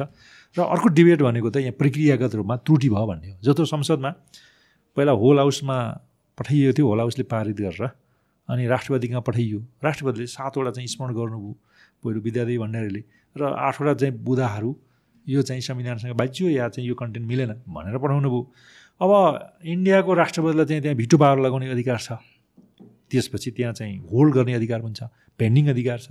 र राष्ट्रपतिले सन्देशसहित पठायो भने त्यहाँको इन्डियाको संसदले चाहिँ के गर्न सक्छ भन्दाखेरि जस्ताको तस्तै पनि संशोधन गरेर पठाउँछ केही पनि संशोधन गरेर पठाउन सक्छ तर नेपालमा राष्ट्रले पठाएको सन्देशलाई जस्ताको तस्तै पनि संशोधन गरेर पठाउन सक्छ। या न केही पनि नगरिकन कमा पनि संशोधन नगरिकन पठाउन सक्ने आइदर अर भन्ने चाहिँ संसदमा धारा एक सय तेह्रको चारमा राखियो। त्यसैले आइदर अरमा नगइकन संसदले जस्ता जस्तै चाहिँ आफूले जे पठाएको थियो त्यही पठाइदियो। राष्ट्रपतिको कुरालाई चाहिँ मानेन। संसदले त्यो मानिदिनु पर्थ्यो किनभने संविधान राष्ट्रपति हो। संविधान राष्ट्रले भनेको कुरामा चाहिँ केही न केही त सन्देशलाई चाहिँ एड्रेस गरिदिनु पर्थ्यो। त्यो पनि संसदले गर्दैन। अरू राष्ट्रपतिले पनि त्यो केही पनि नगरेपछि अनि राष्ट्रले पन्ध्र दिनभित्र त्यो विधेयकलाई पारित गर्नै पर्ने चाहिँ संवैधानिक बाध्यता थियो। त्यो बाध्यतालाई चाहिँ पहिलाको राष्ट्रपतिले गरिदिनु भएन। नगर्दैछ त्यस विरुद्धमा पनि पन्ध्र दिन हुँदाहुँदै किन गरेन भनेर परमादेश जारी गरी भनेर पनि सुप्रिम कोर्टमा मुद्दा छ। भने एकातर्फ त्यो मुद्दा पनि भयो। अर्को मुद्दा चाहिँ फेरि चाहिँ राष्ट्रपतिले चाहिँ पेन्डिङ गरेर राख्नुभएको अवस्था। पेन्डिङ गर्ने राख्ने अधिकार विथोल्ड गर्ने अधिकार र भिटो पावर प्रयोग गर्ने अधिकार राष्ट्रपति नभएको। अब संसदमा त्यो विधेयक नरहेको संसदमा यदि विधेयक रहेको भए त्यो चाहिँ प्रति सेवाको कार्यक्रम समाप्त भएको या प्रति सेवा विघटन भएको त्यस्तो अवस्था हुन्थ्यो भने त्यो विधेयक चाहिँ निष्क्रिय हुन्थ्यो। तर त्यो निष्क्रिय भयो भन्ने पनि संविधानमा संविधान मौन भयो। या त्यो चाहिँ विधेयक चाहिँ संसदमा पठाउने भन्ने राष्ट्रपतिलाई पनि त्यो पठाउन सक्ने राष्ट्रपतिलाई संवैधानिक अधिकार पनि भएन। राष्ट्रपतिले फेरि संवैधानिक राष्ट्रपति भावनाले कुनै पनि सरकार या कुनै पनि निकायले चाहिँ सिफारिस गरेर मात्रै त्यो चाहिँ राष्ट्रपतिले संवैधानिक कार्य सम्पादन गर्ने हो। त्यो अवस्था गर्नलाई पनि राष्ट्रपतिले संसदमा पठाउन नसक्ने त्यो पेन्डिङ छ भनेर भन्न नसक्ने त्यो चाहिँ म सक्रिय बनाउँछु भनेर स्वीकृति गर्न पनि नसक्ने त्यो विथहोल्ड गर्न पनि नसक्ने र भिटो पावर गरेर नसक्ने। त्यो स्थिति भयो हुनाले तत्कालीन अवस्थामा पुष्पकमल दाहालले प्रधानमन्त्रीले यो कसरी गर्ने यो त विधेयक त केही त यत्रो चाहिँ समस्या छ नागरिकताको सङ्घीय कानुन भनेको छ के गर्ने भनेर हामी लगायत चाहिँ पाँच सातजना एउटा संविधानविदहरूलाई बोलाएर उहाँले सल्लाह लिनुभएको थियो। हामीले सल्लाह दियौँ। हामीले के सल्लाह दियौँ भन्दाखेरि यो चाहिँ संविधानमा सङ्घीय कानुन बमोजिम चाहिँ कानुन बनाउने भन्ने त छ त्यो नहुने भने त। नागरिकता त कसैले प्राप्त गर्दैन। अब संसदमा त्यो नागरिकता छैन। दुवै सदनले पारिदिएको छ दुई दुई पटक सभामुखले प्रमाणीकरण गरिसक्नु। अब राष्ट्रपतिले चाहिँ स्वीकृत गरिदिनु हो भने पन्ध्र दिनभित्र चाहिँ स्वीकृत भएको अवस्था छैन पहिला राष्ट्रपति। अहिलेको राष्ट्रपति पर्पेचुअल सक्सेसर पनि हो। त्यो भनेपछि अहिलेको राष्ट्रपतिले चाहिँ त्यसलाई स्वीकृत गर्ने काम गर्नु हो भने त के हुन सक्ने भयो भन्दाखेरि त्यो पन्ध्र दिन त नआइसकेको छ। त्यसैले कहीँ न कहीँबाट सिफारिस त चाहियो। त्यसैले कि त जे ओरिजिन भएको थियो जुन मन्त्रीले चाहिँ ओरिजिन गर्नुभएको थियो विधेयक चाहिँ संसदमा लानु त्यही मन्त्रीबाट चाहिँ विधेयक लैजानु पऱ्यो संसदमा। त्यो भयो भने फ्रेस स्टार्ट हुनसक्छ। अब त्यो गऱ्यो भने दुई तिन वर्ष लाग्न सक्छ फेरि त्यो डिबेट हुनसक्छ। त्यसैले त्यो गर्नुभन्दा सरकारले एउटा चाहिँ निर्णय गरोस्। त्यो विधेयकलाई चाहिँ स्वीकृत गर्ने वा नगर्ने भन्ने राष्ट्रपतिको अधिकार भएनाले फेरि फेरि स्टारबाट विचार गर्नु भनेर पठाएपछि अनि त्यो स्वीकृत हुनसक्छ। त्यसरी राष्ट्रपति संविधानिक राष्ट्रपति हुन्छ। भोलि चाहिँ त्यो विधेयकलाई चाहिँ पेन्डिङकै रूपमा राखियो भने त भोलि संसदले जति चाहिँ विधेयक लान्छ राष्ट्रले पेन्डिङ गर्न सक्ने। भिडियो पावर लगाउन सक्ने त संसदको कुनै काम हुँदैन। संविधान राष्ट्रपति सक्रिय राष्ट्रपति हुन्छ। संविधान राष्ट्रपति पनि प्रधानमन्त्री जसरी पावर सेन्टर हुन्छ त्यसरी राष्ट्रपति पनि पावर सेन्टर हुनसक्छ त्यसरी यो चाहिँ धेरै ठुलो रिस्क छ। त्योभन्दा डक्ट्रिन अफ नेसेसिटीको आधारमा केही चाहिँ हानि भयो भने सरकारले जस अब सरकारले लियो राष्ट्रपतिले लिने होइन त्यसैले राष्ट्रपतिको विरुद्ध मुद्दा लाग्ने होइन। यो त सरकारले नै मुद्दा लाग्ने हो। यदि कन्टेन्टभित्र चाहिँ संविधानसँग बाजियो भने सार्वभौमिकताको प्रश्न उठ्यो भने त्यो त संविधानिक इलाजमा गएर त्यसले चाहिँ इन्कन्सिस्टेन्सीमा चाहिँ बदल गर्न सक्छ। त्यो त्यस कारणले त्यसका कामहरू छन्। त्यस कारण सरकारले केही न केही एक्टिभनेस देखाउनु पर्ने हुन्छ भनेर सल्लाह पनि दियो। त्यही अनुसार चाहिँ सरकारले निर्णय गर्यो। निर्णय गरेपछि अनि राष्ट्रपतिले त्यसलाई स्वीकृति गर्नुभयो। भनेपछि यो प्रक्रियागत रूपमा संवैधानिक राष्ट्रपतिले कहीँ कतै पनि निष्क्रिय गर्न नसक्ने या स्वीकृत गर्न नसक्ने प्रक्रिया सकिएको निष्क्रिय भएको अवस्थामा यो कसरी भयो? प्रक्रियागत त्रुटि भयो भनेर चाहिँ अहिले मुद्दा परेको खास अहिले डिबेट यो कन्टेन्टको कुरामा। डिबेट छैन बाहिर चाहिँ डिबेट के भन्दाखेरि बुहारी र छोरी बिचमा विभेद हो।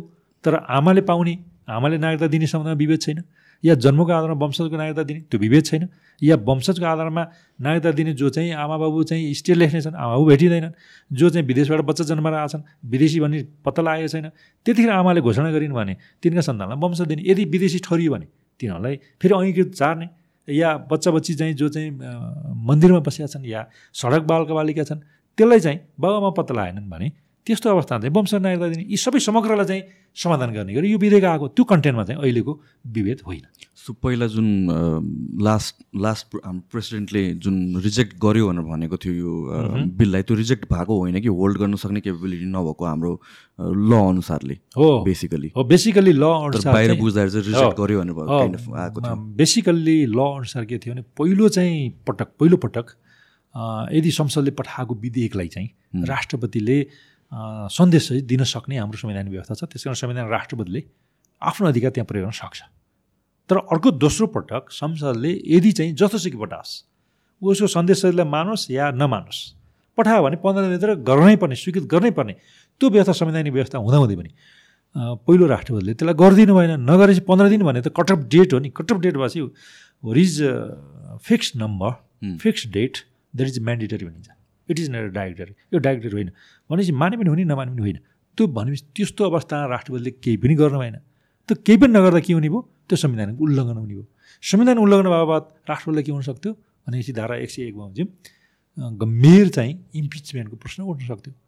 उठ्थ्यो पनि तर त्यतिखेरको संसदले इम्पिचमेन्ट पनि लगाएन। न त त्यो विधेयक डेड भयो भन्ने हो न निष्क्रिय भयो न चाहिँ सक्रिय गराउन सकिने हो कहीँ कतै भएन। त्यो कहीँ कतै नभए हुनाले कहीँ न कहीँबाट त फेरि संसदमा पनि रहेन। संसदमा फिर्ता पठाउने ठाउँ छैन।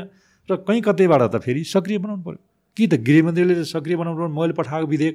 के भयो? मेरो हैसियत मैले पठाएको विधेयक हैसियत के थियो? भनेर संसदलाई सुन्नु पऱ्यो या राष्ट्रपतिलाई सुन्नु पऱ्यो त्यहाँबाट आउनु पर्थ्यो। त्यसपछि आउँदाखेरि फेरि प्रक्रिया लम्बिने भए या यो संसदले पारित नगर्न सक्नेवाला या अर्को संसद होला यस्तै सबै कुराहरूले गर्दा डक्टिन अफ नेसिटी भन्छ अवस्थाले कानुन जान्दैन। भन्ने भनेर सरकारले जस जस लिनुपर्छ त्यसको चाहिँ संविधान अनुकूल छ भनेपछि व्याख्याको प्रश्न हो। त्यसरी संवैधानिक व्याख्या चाहिँ हाम्रो संविधान इलाजले गर्ला। गम्भीर रूपमा संविधानको त्रुटि भयो। गम्भीर संवैधानिक प्रश्न उठ्यो भने त्यतिखेर संविधान इलाजले हेर्छ। त्यो हेर्ने हो। त्यसैले अहिले सरकारले यसमा चाहिँ पहल कदमी गर्नुपर्छ भन्ने भावनाले सरकारले त्यसलाई चाहिँ सक्रिय गराउन खोजेर त्यही बमोजिम सरकारको निर्णय बमोजिम राष्ट्रले स्वीकृत गरेको अवस्था हो। सो यो जुन हामीले अघि डिस्कस गऱ्यो बुहारीको केसमा चाहिँ एउटा भयो। जुन अब आमाको नाममा नागरिकता पाउने कि नपाउने कुरा पनि छ एउटा चाहिँ होइन मोस्ट केसेसमा मैले पनि कतिजना चिन्छु जसको चाहिँ आमा चाहिँ नेपाली भयो नेपाली हुनुहुन्छ अन्त ड्याडी चाहिँ इन्डियन भएपछि चाहिँ नागरिकता नपाएर धेरै इस्युजहरू भएको पनि छ। सो यो केसमा चाहिँ यो कन्डिसनमा चाहिँ कहाँ कहाँ नेसनल थ्रेट एन्ड सिक्युरिटीको कुरा पनि आउँछ कन्सर्न आउँछ मान्छेहरूको कन्टेक्समा स्पेसली ओपन बोर्डर हुँदाखेरि र इन्डियामा हामीहरूको स्पेसली तराईको कन्टेक्समा जुन बिहा गर्ने कुरा छ त्यसलाई चाहिँ लुप होल जस्तो युज गरेर भोलि गएर हाम्रो हाम्रो लिगल सिस्टममै हाम्रो यो भनौँ न यो इलेक्ट्रोल सिस्टममै केही हिसाबले तलमाथि गर्न सकिएला कि इन द फ्युचर भन्ने कन्सर्नहरू आउँछ। त्यो कतिको लजिकल कन्सर्न हो? अनि इलेक्ट्रोल सिस्टममा केही चाहिँ फरक हुनसक्छ? या संसदमा चाहिँ त्यो जनसङ्ख्या बढी भएर कन्स्टिट्युन्सीमा बढी सिट आएर अनि संविधान संशोधनै गर्न सकिन्छ भन्ने पनि दीर्घकालिक रूपमा हुनसक्छ। त्यो प्रश्न त अहम नै हो। हुनसक्छ। किन भन्दाखेरि त्यो देशको पहिलो स्टेजको नागरिक माइनोरिटीमा पढ्दै गयो भने त। त्यो सार्वभौमिकता पनि गुम्न सक्छ। किनभने ओपन बोर्डर छ। ओपन बोर्डर हुनाले जन्मको आधारमा त अब नदिने भइयो होइन? एकचोटि कट अफ डेट भयो। अब वंशजको आधारलाई त नेपालको जो जन्मियो हुन्छ त्यो जो नागरिक छन् त्यसलाई हुने भयो नेचुरलाइजेसनको सन्दर्भमा वैवाहिक हैसियत भयो भने यहीँका छोराहरूले विवाह गर्ने हो। होइन यहीँका छोरीहरू बिहा गरेर जाने हो। त्यस्तो हदसम्म चाहिँ अब विवाह गर्ने अनि त्यहाँ नागरिकता लिने अनि छोड्ने डिभोर्स गर्दै जाने भने जनसङ्ख्या बढ्दै गयो भने के गर्ने भने त्यो त दीर्घकालिक असर पनि पर्न सक्छ। त्यसैले यो नेचुरलाइजेसनको कुरामा साह्रो सत्ताको प्रश्न त जोडिन्छ नै संसारमा त्यही नै हो। त्यसैले यसलाई चाहिँ सामान्य कुरा हो भनेर पनि मान्न सकिँदैन। जुन नेचुरलाइजेसनको कुरा यो चाहिँ नेचुरलाइजेसन भन्छ ऐङ्कृत भन्छ। आमाको नामबाट होइन आमाको नामको त फेरि वंशजको आधारमा पनि हुन्छ। जस्तो आमाको यदि चाहिँ आमाको छोरछोरी भनौँ न त्यो यदि विदेशीसँग विवाह गरेको रहेछ र विदेशी छोरी भने त नेचुरलाइजेसन हुन्छ ऐङ्कृत नागरिकता हुन्छ तिनका सन्तानले। सन्तानले ऐङ्कृत नागरिकता पाउने हो। र आमासँग विवाह गर्ने जुन चाहिँ विदेशी पुरुष छ त्यो पनि यहाँ बस्यो भने पन्ध्र वर्ष बस्नुपर्छ। ऐङ्कृत नागरिकतालाई भने पन्ध्र वर्ष पुरुषहरूको हकमा त कुनै समस्या भएन। नेपाली मूलका जो नागरिक छन् उनीहरूसँग चाहिँ विदेशी छोरीहरू बिहा गरेर आयो भने नेचुरलाइजेसनको कुरा ऐकृत नागरिकता दिने हो। यो तत्कालै दिने भन्ने छ अहिले संविधानमा। र ऐनमा पनि त्यही र अहिलेको ऐनले चाहिँ एड्रेस गरेन। पहिल्यैको ऐन त्रिसठी सालको ऐन चाहिँ लागु हुने भयो। यो हामी अघिको बुहारीवाला केस बुहारीवाला केस तर आमाको हकमा त आमाहरूले चाहिँ आफ्ना सन्तानलाई नागरिकता दिँदैमा। बाउ नेपाली नागरिक छ आमा नेपाली नागरिक हुनुहुन्छ। पहिला बाउले मात्रै दिने थियो जस्तो मैले छप्पन्न सालमा रिट हालेको थिएँ। मैले अहिले पनि एउटा कुरा गरेँ। छप्पन्न सालमा रिट हाल्दाखेरि धारा नौ थियो सत्ताइस साल संविधान बाबुले मात्रै नागरिकता दिने। आमाले दिने पनि थिएन। र धारा एघारमा चाहिँ समानताको हक थियो। लिङ्गको आधारमा विभेद गरिने छैन भन्ने व्यवस्था थियो।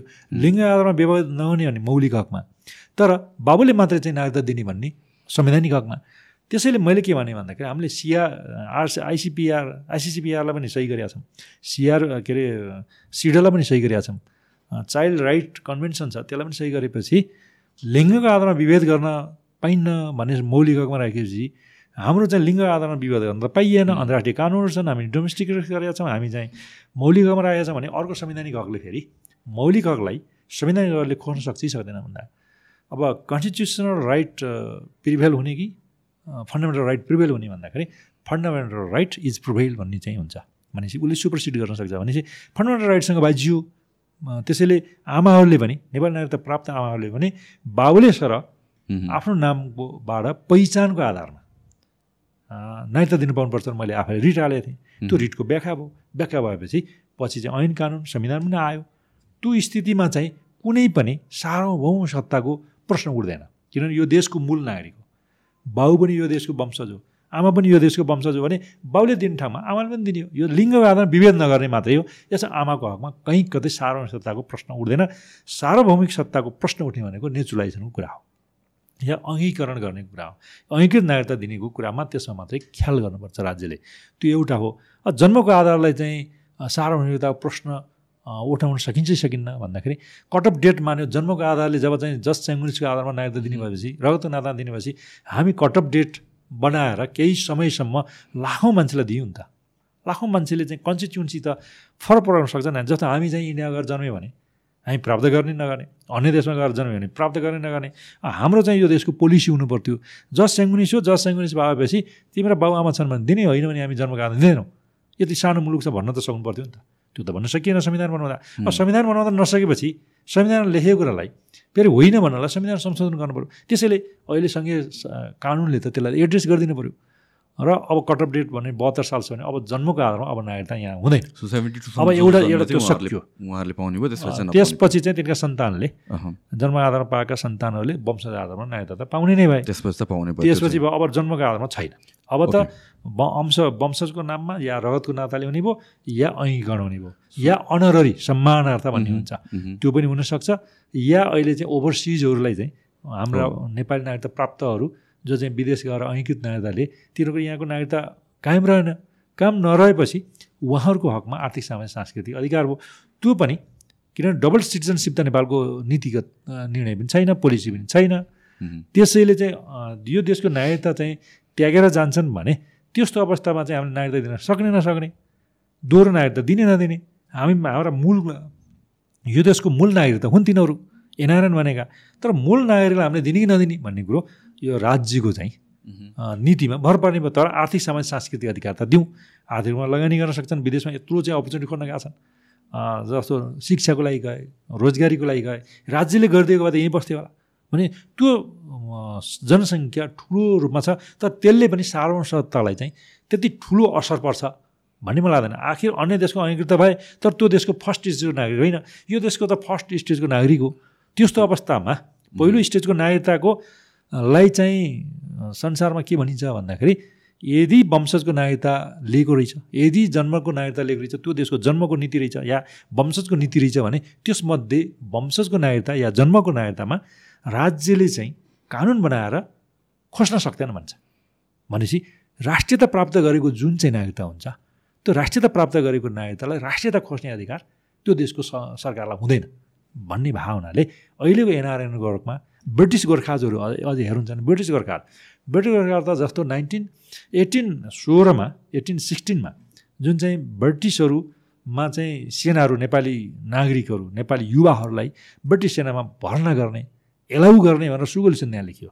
सुगोली सन्ध्या एलाउ गर्ने भनियो नेपाली नागरिकता प्राप्त नागरिकहरूलाई। तर नाइन्टिन फोर्टी सेभेनको सेभेन नोभेम्बरमा त्यहाँ चाहिँ के अरे भन्दाखेरि मर्सिडी मर्सी मर्सिडिज जस्तो होइन एउटा चाहिँ भाडाका सिपाहीहरू। होइन? भाडाका सिपाहीहरूको रूपमा त्यहाँ चाहिँ राखियो। तर पछि दुई दिन पछाडि नाइन नोभेम्बरमा नाइन्टिन फोर्टी सिक्समा गएर इक्वल चाहिँ व्यवस्था हुन्छ। यो भाडाका सिपाही होइन। त्यहाँको सेना र हाम्रो सेनालाई चाहिँ बराबर गरिन्छ भनियो। तर नाइन्टिन नाइन्टी फोरमा गएपछि त्यहाँको सेना र यहाँको सेनालाई चाहिँ पनि त्यत्तिकै इक्वल अपर्च्युनिटी हुन्छ भनियो। तर त्यहाँ सेक्सन एट लगाइएर संसारभर ब्रिटिस आर्मी सर चाहिँ घुम्न सक्ने। तर त्यहाँको ऐङ्कृत नागरिकता नदिने। तर त्यहाँ चाहिँ पाँच वर्षसम्म बस्नुपर्ने आइएलआर आइएलई भन्ने हुन्छ। भने यो अवस्थामा ती चाहिँ ब्रिटिस गोर्खाहरू अहिले जीवित चाहिँ बाइस हजार छन्। आठ लाखहरू आठ लाख जुन चाहिँ जनसङ्ख्या चाहिँ ब्रिटिस सेनामा गएको रहेछ त्यसमा दुई लाख पचास हजार मारिया छन्। त्यो मारिएको चाहिँ एउटा नेपाललाई चाहिँ उनीहरूले अङ्ग्रेजको पन्जाबाट चाहिँ बचाएको अवस्था देखिन्छ। कुमाउ किङदेखि लिएर कुमाउ गढवालदेखि लिएर हामी चाहिँ दार्जिलिङसम्म पुगेका छौँ। त्यो चाहिँ त्यत्रो कन्ट्रिब्युसन यो देशका चाहिँ ती सेनाले गरे। तिनै सेना चाहिँ एलाउ गरेर ब्रिटिसमा गए। ब्रिटिसमा हिटलरले जुन चाहिँ ब्रिटिसलाई खाइसकेको थियो वान थर्ड मात्रै त्यहाँको भूगोल थियो। त्यो भूगोललाई पनि त्यहाँको नेपाली गोर्खाजहरूले त्यहाँको हिटलरसँग लडेर ब्रिटिसलाई बचाए। अहिले बेलायत भन्ने त्यत्रो चाहिँ अहिले बेला लन्डन भन्नुहोस् वेल्स भन्नुहोस् या स्कटल्यान्ड भन्नुहोस् आयरल्यान्ड सबै चाहिँ कसले बचाइदियो? नेपाली सेनाले बचाए। नेपाली सेनाले बचाए हुनाले सम्मानार्थ नाइन्टिन नाइन्टी सिक्समा त्यहाँको काम गर्नलाई चाहिँ केही त्यहाँको सुविधा दिने या दुई हजार चार सालमा नेपाल सरकारकै स्वीकृतिमा तिनीहरूलाई आइएलआर आइएल दिने आवासीय भिसा दिने भनियो। तर यहाँको सरकारले के ठान्यो भन्दाखेरि ती मान्छे त आवासीय भिसा भने त रातो पासपोर्ट भन्थे। रातो पासपोर्ट भने त ऐङ्कृत नागरिकता लिएपछि पाइने रातो पासपोर्ट लिँदै त्यो रातो पासपोर्ट ऐङ्कृत नागरिकता उहाँले लिनु भएको पाँच वर्ष ननिष्ठ बस्नु पऱ्यो र त्यहाँको भाषा त्यतिकै जानु पऱ्यो त्यहाँ कम्प्युटर त्यतिकै जानु पऱ्यो र उहाँको कल्चरहरू एडप्टेसन गरिसकेपछि बल्ल ऐङ्कृत नागरिकता त्यहाँ पाइन्छ। भने ऐकृत नागरिकता पाएनन्। आइएलआर आइएल भने आवश्यक भिसा हो। आवश्यक भिसा उहाँ पाएको नाताले यहाँ चाहिँको ऐकृत जुन चाहिँ वंशजको नागरिकता छ त्यो नागरिकता अनुसार राजनीतिक अधिकार प्राप्त हुन्छ। राजनीतिक अधिकारमा right to vote right to representation yeah appointment गर्न पाउने ब्रिटिस गोर्खाले पाउँदैन। भनेपछि उता चाहिँ ऐकृत नागरिकता पनि भएनन् एनआरएन एनआरएन जस्तो। यता चाहिँ वंशजको नागरिकताको हैसियत के भन्दा राजनीतिक अधिकार भएन। भनेपछि उहाँहरू त उता पनि दोस्रो दर्जा भयो यता पनि दोस्रो दर्जा। एउटा भिरमा अड्केको कुबिन्डो जस्तो भयो। ब्रिटिस गोर्खाजहरू एउटा त्यो स्थिति समस्या छ हेर्नुहोस्। उहाँलाई त ऐङ्कृत नागरिकता प्राप्त गर्नु हो भने पनि सम्मानार्थ उनीहरू त यो देशलाई बचाएको बेलायतलाई बचाएको हुनाले बाइस हजार जीवित छन्। उनका सन्तानलाई पनि वंशजको नागरिकता निरन्तरता हुनुपर्छ भनेर मलाई चाहिँ उहाँहरूको बारेमा धेरै चाहिँ अध्ययन अनुसन्धान गर्न लगाउनु र मैले किताब पनि ल्याइदिएँ होइन सुगोली सन्धि नेपालमा नागरिकता र ब्रिटिस गोर्खा बेलायतमा गएर ती डकुमेन्टहरू ल्याएर यहाँ चाहिँ मैले ठुलो किताब पनि लेखेर अहिले त्यो गरेर चाहिँ उहाँहरूको हकमा किनभने सन्धि गरेर गएको छ। दुई लाख पचास हजार पाउन्ड नेपाल सरकारले लिने भन्ने थियो। त्यसको हिसाब किताब पनि बेलायत सरकारले दिनुपर्ने होला। प्रत्येक वर्ष दियो चाहिँ छैन। र बेलायतमा चाहिँ गएर बेलायतलाई त्यत्रो बचा छ। भने यो त भोलि त आइसिजेमा जाने विषयवस्तु हो। ब्रिटिस गोर्खाहरूको हकमा। र आइसिजेमा चाहिँ सुगोली सन्धि सन्धि भने त सन्धि त अन्तर्राष्ट्रिय कानुनको मामला हो। त्यो अवस्थामा उहाँहरूलाई वंशको नागरिकता निरन्तरता दिनलाई राज्यले नीतिगत निर्णय लिएर चाहिँ संविधान संशोधन गर्न- गर्नुपर्ने अवस्था देखिन्छ। एनआरएनको हकमा पनि सरकारले एउटा चाहिँ अपर्च्युनिटी दिन नसक्यो भने शिक्षाको लागि गरेर त्यो भावनाले यो देशको पहिलो स्टेजको नागरिकता भावनाले नागरिक भावनाले जस्तो अमेरिका के भन्छ भन्दाखेरि त्यहाँको पहिलो स्टेजको नागरिक छ भने त्यो त्यहाँको राष्ट्रियता प्राप्त छ भने त्यहाँको संविधान एउटा चाहिँ नेसनालिटी एक्ट भन्ने बेलायतमा हुन्छ। बेलायतको नेसनालिटी एक्टमा चाहिँ अन्य देशको नागरिकता लिन्छ भने त्यसको चाहिँ सुविधाहरू कटौती गर्नुपर्छ भनेको थियो। तर पछि चाहिँ त्यो कटौती गर्नुपर्छ भने खारेज गर्यो सो जस्तो कि फर इक्जाम्पल यो डुअल सिटिजनसिप हाम्रो कन्टेक्समा नहुनु कारण के हो। सबै कन्ट्रीमा त अलाउड छैन भने त छैन नि। सर्टन कन्ट्रिजले त अलाउ पनि गर्छ दुइटा सिटिजनसिप। हाम्रो कन्टेक्समा यो दुइटा सिटिजनसिप हुनु हुँदैन भन्ने कुरा चाहिँ कहाँबाट त्यसको त्यसको प्रोज या कन्स या त्यो त्यो त्यो डिसिजनलाई सपोर्ट गर्नुको रिजन प्रोज एन्ड कन्सको कुरा गर्ने भने हाम्रो देशमा कसरी यस्तरी आयो भनेर हेर्दाखेरि पहिलो त अन्य देशमा चाहिँ डबल सिटिजनसिप पनि हुन्छ ट्रिबल पनि सिटिजनसिप हुनसक्छ। जस्ट सेङ्गुनिस पनि हुनसक्छ या रगतको नाता या जन्मको आधार या ऐकृतहरू या ओभरसिजहरू सबै पनि हुनसक्छ। किन हुन्छ? त्यो देशमा ठुलो चाहिँ भूगोल छ भने धेरै रिसोर्सेस छ भने मेन पावर कम छ भने त्यो हुनसक्छ। जस्तो अमेरिका भन्नुहोस् या क्यानाडा? उसलाई समस्या छैन अहिले चाहिँ डिबी र होइन पिआरदेखि लिएर सबै छ नि अस्ट्रेलिया भन्नुहोस्। तिनीहरूलाई कुनै चाहिँ भूगोलको खाँचो छैन नि रिसोर्सको खाँचो छैन नि जनसङ्ख्याको खाँचो छ। है रसियामा भनौँ न एउटाले बच्चा पायो भने एउटा कार्ड दिन्छ। यहाँ जापानमा सानो मुलुक छ तर बच्चा पाउँदैन। त्यहाँ चाहिँ घर जम गराइदिन सक्छ घर दिन सक्छ होइन? त्यो आफ्नो आफ्नो देशको पोलिसी हो त्यो देशकोमा यदि जनसङ्ख्या छैन भने ठुलो भूगोल छ भने रिसोर्स प्रशस्त छ भने त्यसले डोल्ड सिटिजनसिप सक्छ ट्रेबल सिटिजन सिटिजनसिप दिन सक्छ। त्यो देशको नीतिमा भर पर्छ। इट डिपेन्ड्स अब द दियर स्टेट पोलिसी होइन? त्यो स्थिति हुनसक्छ तर हामी कहाँ किन? हामी कहाँ चाहिँ डोल सिटिजन किन दिएन? भन्दाखेरि नौ सालकोमा चाहिँ विदेशीहरूलाई रैयत भने यहाँ नेपाल रैतीको कुराहरू हुन्थ्यो र विदेशी नागरिक यहाँ बिहा गरेर आउँदा त्यो दिन्थ्यो नि त। त्यहाँ जनसङ्ख्या धेरै कम थियो। होइन मेन पावर पनि कम थियो। त्यसैले जुन चाहिँ युवाहरू सेनामा भर्ती भएर जान्थे यो स्थिति भावनाले तत्कालै दिन्थ्यो। तर उन्नाइस सालको संविधानमा आउँदाखेरि त्यसलाई अलिकति फरक पारियो। बिस सालको ऐनमा चाहिँ अब ऐकृत नायता त दिने भयो तर चाहिँ विदेशीहरूलाई चाहिँ तत्कालै चाहिँ शर्त बाह्र वर्ष चाहिँ नगरिकन नपाउने। त अर्को चाहिँ पुरुषहरूलाई पन्ध्र वर्ष भनियो होइन? आमाहरूलाई पनि दिन्थ्यो पहिला। आमाहरूले पनि दिन पाउँथ्यो भने आमाहरूलाई पनि दिन पाइएन। दिएन बाउले मात्र दिने भनेपछि नस्ल एउटा प्याट्रिकल सोसाइटी प्याट्रिकल सोसाइटीको आधारले एउटा भयो।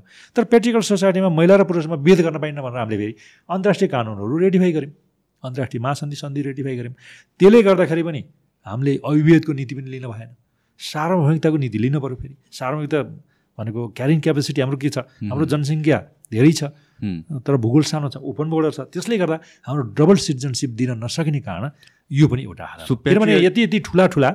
मुलुक छन् जहाँ चाहिँ चाइना त बोर्डर चाहिँ बन्द छ क्लोज छ तर इन्डिया त ओपन छ यत्रो जनसङ्ख्यामा यहाँ चाहिँ भनौँ न इन्डियाको चाहिँ जोगीहरू नै तिन करोड छन्. हामी नागरिकता दिने भने त। हाम्रो जनसङ्ख्याभन्दा पनि बढी जान सक्छ। त्यसले गर्दा राज्यले त्यो नीति डबल सिटिजनसिप दिन नसकेको कारण त्यो हो। तर सर्टेन अवस्थामा जब ब्रिटिस गोर्खालाई दिनलाई कति जनसङ्ख्या छ र आफ्नै मुलुकका नागरिक हुन् यो त्यसलाई कन्ट्रिब्युसन गरेका एउटा त्यो। उनीहरूको वंशज नागरिकता निरन्तरता भन्नलाई। एनआरएनहरूलाई भने अपर्च्युनिटी खोज्न गएका छन् उनीहरू दोस्रो तहको दर्जाका नागरिक भए। अब पहिलो दर्जाको नागरिक जो चाहिँ यो देशको नागरिकता त्या त्यागेका त्यागेका छैनन् तर नागरिकता ल्याएका छन् तर यहाँको कानुन के भयो भन्दाखेरि यदि अन्य देशको नागरिकता त्यागे भने लिए भने यो देशको नागरिकता कायम रहने छैन। भन्ने व्यवस्था ऐनमा भएको हुनाले कायम रहेन। कायम नरहेपछि यहाँको नागरिकता बुझाउनु पऱ्यो ऐकृत लिँदै पऱ्यो ऐकृत लिँदाखेरि त दुई तहको अर्कोको देशमा पनि दोस्रो दर्जाको नागरिक यो देशमा पनि दोस्रो दर्जाको नागरिक हो। भने नागरिकता चाहिँ प्राप्त भएन। यस्तो अवस्थामा चाहिँ फेरि संशोधन संविधान संशोधन गर्नुपर्ने हुन्छ। या उनीहरूलाई चाहिँ यहाँको वंशजको नागरिकता निरन्तरता भन्ने पनि संविधान संशोधन गर्नु पऱ्यो यो कुरा चाहिँ राज्यमा निर्भर गर्छ। यो राज्यमा निर्भर गर्नु पऱ्यो तर ब्रिटिस गोर्खाहरूमा सुगोली सन्धि छ। सुगोली सन्धिले स्वत गर्नु पऱ्यो यदि गरेन भने अन्तर्राष्ट्रिय कानुनको मामला हुन्छ। आइसिसीमा जान सक्छ। यो चाहिँ भएको कारणले हाम्रो डबल सिटिजनसिप हरेकलाई चाहिँ ओपन गर्न नगरेको कारण यो हो। तर केही सर्टेन कुरामा नेपाली मूलका नागरिक छन् भने राष्ट्रियता खोज्न सक्ने त्यो अधिकार राज्यलाई हुन्न कानुन बनाएर हुन्न र अमेरिकाका रक्स भन्ने मुद्दामा त यदि राष्ट्रियता प्राप्त गरेको छ पहिलो दर्जाको नागरिक छ भने त्यसलाई चाहिँ कुनै पनि फेसिलिटीहरू कटअप गर्न हुन्न। बेलायतमा पनि फेसिलिटीहरू कटअप गर्न हुन्न भनेर अहिले त्यस्तो नेसनालिटी एक्ट आएको छ। त्यसलाई पछ्याउँदै चाहिँ अहिले अमेरिका पनि गएर त्यो चाहिँ संसारले त्यो पछाइरहेछ राष्ट्रियता खोज्ने अधिकार। किनभने त्यो देशको नागरिक नै त्यो राष्ट्र हो। हुँ, किनभने राष्ट्र हुनलाई नागरिक चाहिन्छ। त्यो नागरिकको आफ्नो कल्चर छ आफ्नो चाहिँ भाषा छ वेशभूषा छ सामाजिक भ्यालुजहरू छ। यो भ्यालुज भ्यालुज मिलेर चाहिँ एउटा कमन एसपिरेसन भनेर राष्ट्र बन्छ। त्यो राष्ट्र त्यही नागरिकले भनेको छ। तर त्यही नागरिकलाई चाहिँ हामी राष्ट्रियता खोस्यौँ भने राष्ट्र कसरी रहन्छ भन्ने पनि एउटा अहम प्रश्न छ। त्यस कारण यसमा चाहिँ राज्यले सोच्नुपर्छ। राज्यले नीतिगत निर्णय लिनुपर्ने हुन्छ। संविधान संशोधन गर्नुपर्ने पनि अवस्था देखिन्छ। त्यस कारणले यो मूल नागरिक छन् भने स्टेटलेसनेस राज्यले बनाउनु हुन्न भन्ने पनि हामी नाइन्टिन सिक्सटी वानमा हामीले रेटिफाई गरेका छौँ। महासन्धिलाई। त्यो महासन्धिलाई रेटिफाई गरेपछि कुनै मान्छेलाई चाहिँ पहिलो स्टेजको भने दोस्रो दर्जामा हामीले नागरिक हो भनेर भन्नु हुँदैन। भन्ने पनि हो। यी समग्र कुरालाई अन्तर्राष्ट्रिय कानुन राष्ट्रिय कानुन राष्ट्रको नीति या ओपन बोर्डर या कडा नीति लिने या नरम नीति लिने भन्ने कुरो सङ्घीय सरकारको मामला हुन्छ। सङ्घीय सरकारले यी सबै कुरा क्यारेन्ट क्यापेसिटीलाई हेर्नुपर्छ साधारण सत्तालाई हेर्नुपर्छ या अभिवेदको नीतिलाई पनि हेर्नुपर्छ या कोही स्टेटलेसनेस नहुन् भन्ने कुरा यी समग्र कुरालाई हेरेर मात्रै राज्यले डबल सिटिजन दिने या सिङ्गल गर्ने या ट्रिपल गर्ने भन्ने कुरो राज्यमा भर पर्छ। तर हामी कहाँ यो ठुलो जनसङ्ख्या दुईवटा मुलुक र एउटा ओपन बोर्डर भयो हुनाले। यसमा चाहिँ हामी माइनोरिटी पर्ने हो कि भोलि? भोलि सिक्किमकरण हुने हो कि भन्ने प्रश्न छ। सो जस्तो कि डुअल सिटिजनसिपको केसमा मैले बुझेअनुसार चाहिँ इट्स सोल्ली बिकज हामीहरूको एरिया भर्सेस पपुलेसन डेन्सिटीको कारणले पपुलेसन थाम्न नसक्ला भनेर चाहिँ हामीले एउटा हिसाबले फिल्टर गर्न खोजे हो। But at the same time जहाँ जुन कन्ट्रीमा चाहिँ पपुलेसन थाम्न नसक्ला जस्तो सिचुएसन छ त्यो कन्ट्रीमा now when it comes to investment या भन्छ फन्ड्सहरूको कुरामा गर्दाखेरि त्यहाँ हामीहरू ल्याक गरेर आएको छौँ। होइन? र यो एनआरएन्सहरूको इन्भेस्टमेन्टको कुराहरू जब आउँछ किनभने अहिले मोस्टली कुरा भइरहेको छ अराउन्ड द्याट। नेपालमा इन्भेस्ट गर्न पाउने कि नपाउने? नेपालमा आएर प्रपर्टी किन्न पाउने कि नपाउने? धेरै कुराहरूको जुन कन्सेप्ट कन्टेक्स्ट आउँछ त्यो कन्टेक्स्टमा त again we are lacking. Population कुरामा हामीलाई चाहिनेभन्दा बेसी भइसक्यो। सो डुअल सिटिजनसिप पाउनु पर्दैन भन्ने कुरा आउँछ बट देन इन्भेस्टमेन्ट या भन्छ फन्ड्सको कुरामा गर्दाखेरि त त्यहाँ त हामी ल्याक गरेर आएको छौँ। सो मेबी त्यो अपर्च्युनिटिजहरू दिनुपर्छ कि भन्ने कुरा आउँछ so somewhere in the middle ground त्यसलाई एड्रेस गर्ने गरिकन आई डोन्ट नो लाइक सिटिजनसिपहरू पनि डिफ्रेन्ट टाइपको राइट्सहरू भएको गर्न सकिन्छ होला नि त। सो त्यसको सल्युसन के हुनसक्छ? होइन सोल्युसनको सन्दर्भमा आजभन्दा तिन दिन अगाडि। एनआरएनको चाहिँ अध्यक्ष महासचिवहरू समेतको विश्वभरिकै जुन लिङ्कमा जुम लिङ्कमा जोडिनु भएको थियो त्यो एउटा इन्टरेक्सन कार्यक्रम राख्नु थियो यही अहिलेकै नागरिकतामा। मलाई कि स्पिकरको रूपमा राख्नु भएको थियो? मैले त्यसमा के भनेको थिएँ भन्दाखेरि तपाईँहरू सबै चाहिँ यो देशको मूल नागरिक हो। तर यो पहिलो स्टेजको नागरिक हो नि त। तपाईँ उहाँहरू किन जानु किन जानुभयो? त अपर्च्युनिटी खोज्न जानुभयो अवसर खोज्न जानुभयो रोजगारी लिन जानुभयो। तर राज्यले रोजगारी र अवसरहरू यहीँ दिएको भए शिक्षा दिएको भए तपाईँ जानुपर्ने थिएन। त त बाध्य भएर जानुभयो। बाध्य भएर गइसकेपछि अहिले राज्यले कम्तीमा भने अनेक नागरिकता बाहिर लिनुभएको छ भने यो देशको चाहिँ नागरिकता वंशज नागरिकता कायम रहने छैन भने कानुन छ। त्यो कानुन त तपाईँको वंशज नागरिकता रहेन। नरहे पनि अहिले संविधानले के गर्यो भने आर्थिक सामाजिक सांस्कृतिक अधिकार दिने। त्यो नागरिकता दिने भनेर पनि दियो त्यही भन्यो ऐनमा पनि अहिले विधेयकमा आयो। विधेयकमा आयो भने पहिलो पटक तपाईँहरूले उताको अङ्गीकृत नागरिकता छ भने पनि यहाँको वंश नागरिकता नरहेपछि वंश नागरिकता बुझाउनु हो भने तपाईँले सामाजिक आर्थिक सांस्कृतिक अधिकार पाउनुहुन्छ। त्यो भयो भने तपाईँले जस्तो इन्भेस्टमेन्ट जनसङ्ख्याको त केही हामी समस्या भएन। भोटिङ राइट्स चाहिँ हुँदैन। भोटिङ भोटिङ राइट हुँदैन। ओभरसिजहरूको। जस्तो भोटिङ राइट भन्दा राजनीतिक अधिकार हो नि त। जहाँ राजनीतिक अधिकार प्राप्त हुन्छ त्यो नागरिकता प्राप्ति हुन्छ। राष्ट्रियता प्राप्ति गर्नेलाई चाहिँ राजनीतिक अधिकार हुन्छ राजनीतिक अधिकार भनेको नागरिकता प्राप्ति हुँ। तर आर्थिक अधिकार प्राप्ति गर्यो सामाजिक अधिकार प्राप्त गर्यो या सांस्कृतिक अधिकार प्राप्त भने त्यो चाहिँ भोटिङ राइट हुँदैन। इन्डिया भने ओभरसिजहरूमा जुन पर्सन ओभरसिज भनेर बाहिरबाट आएको इन्भेस्ट गर्न पाउँछन् तर भोटिङ राइट राहदानी चाहिँ दिँदैन। इन्डियामा चाहिँ छ। पनि नेपालमा चाहिँ त्यो मात्रै होइन। इन्भेस्टमेन्टलाई चाहिँ मात्र होइन।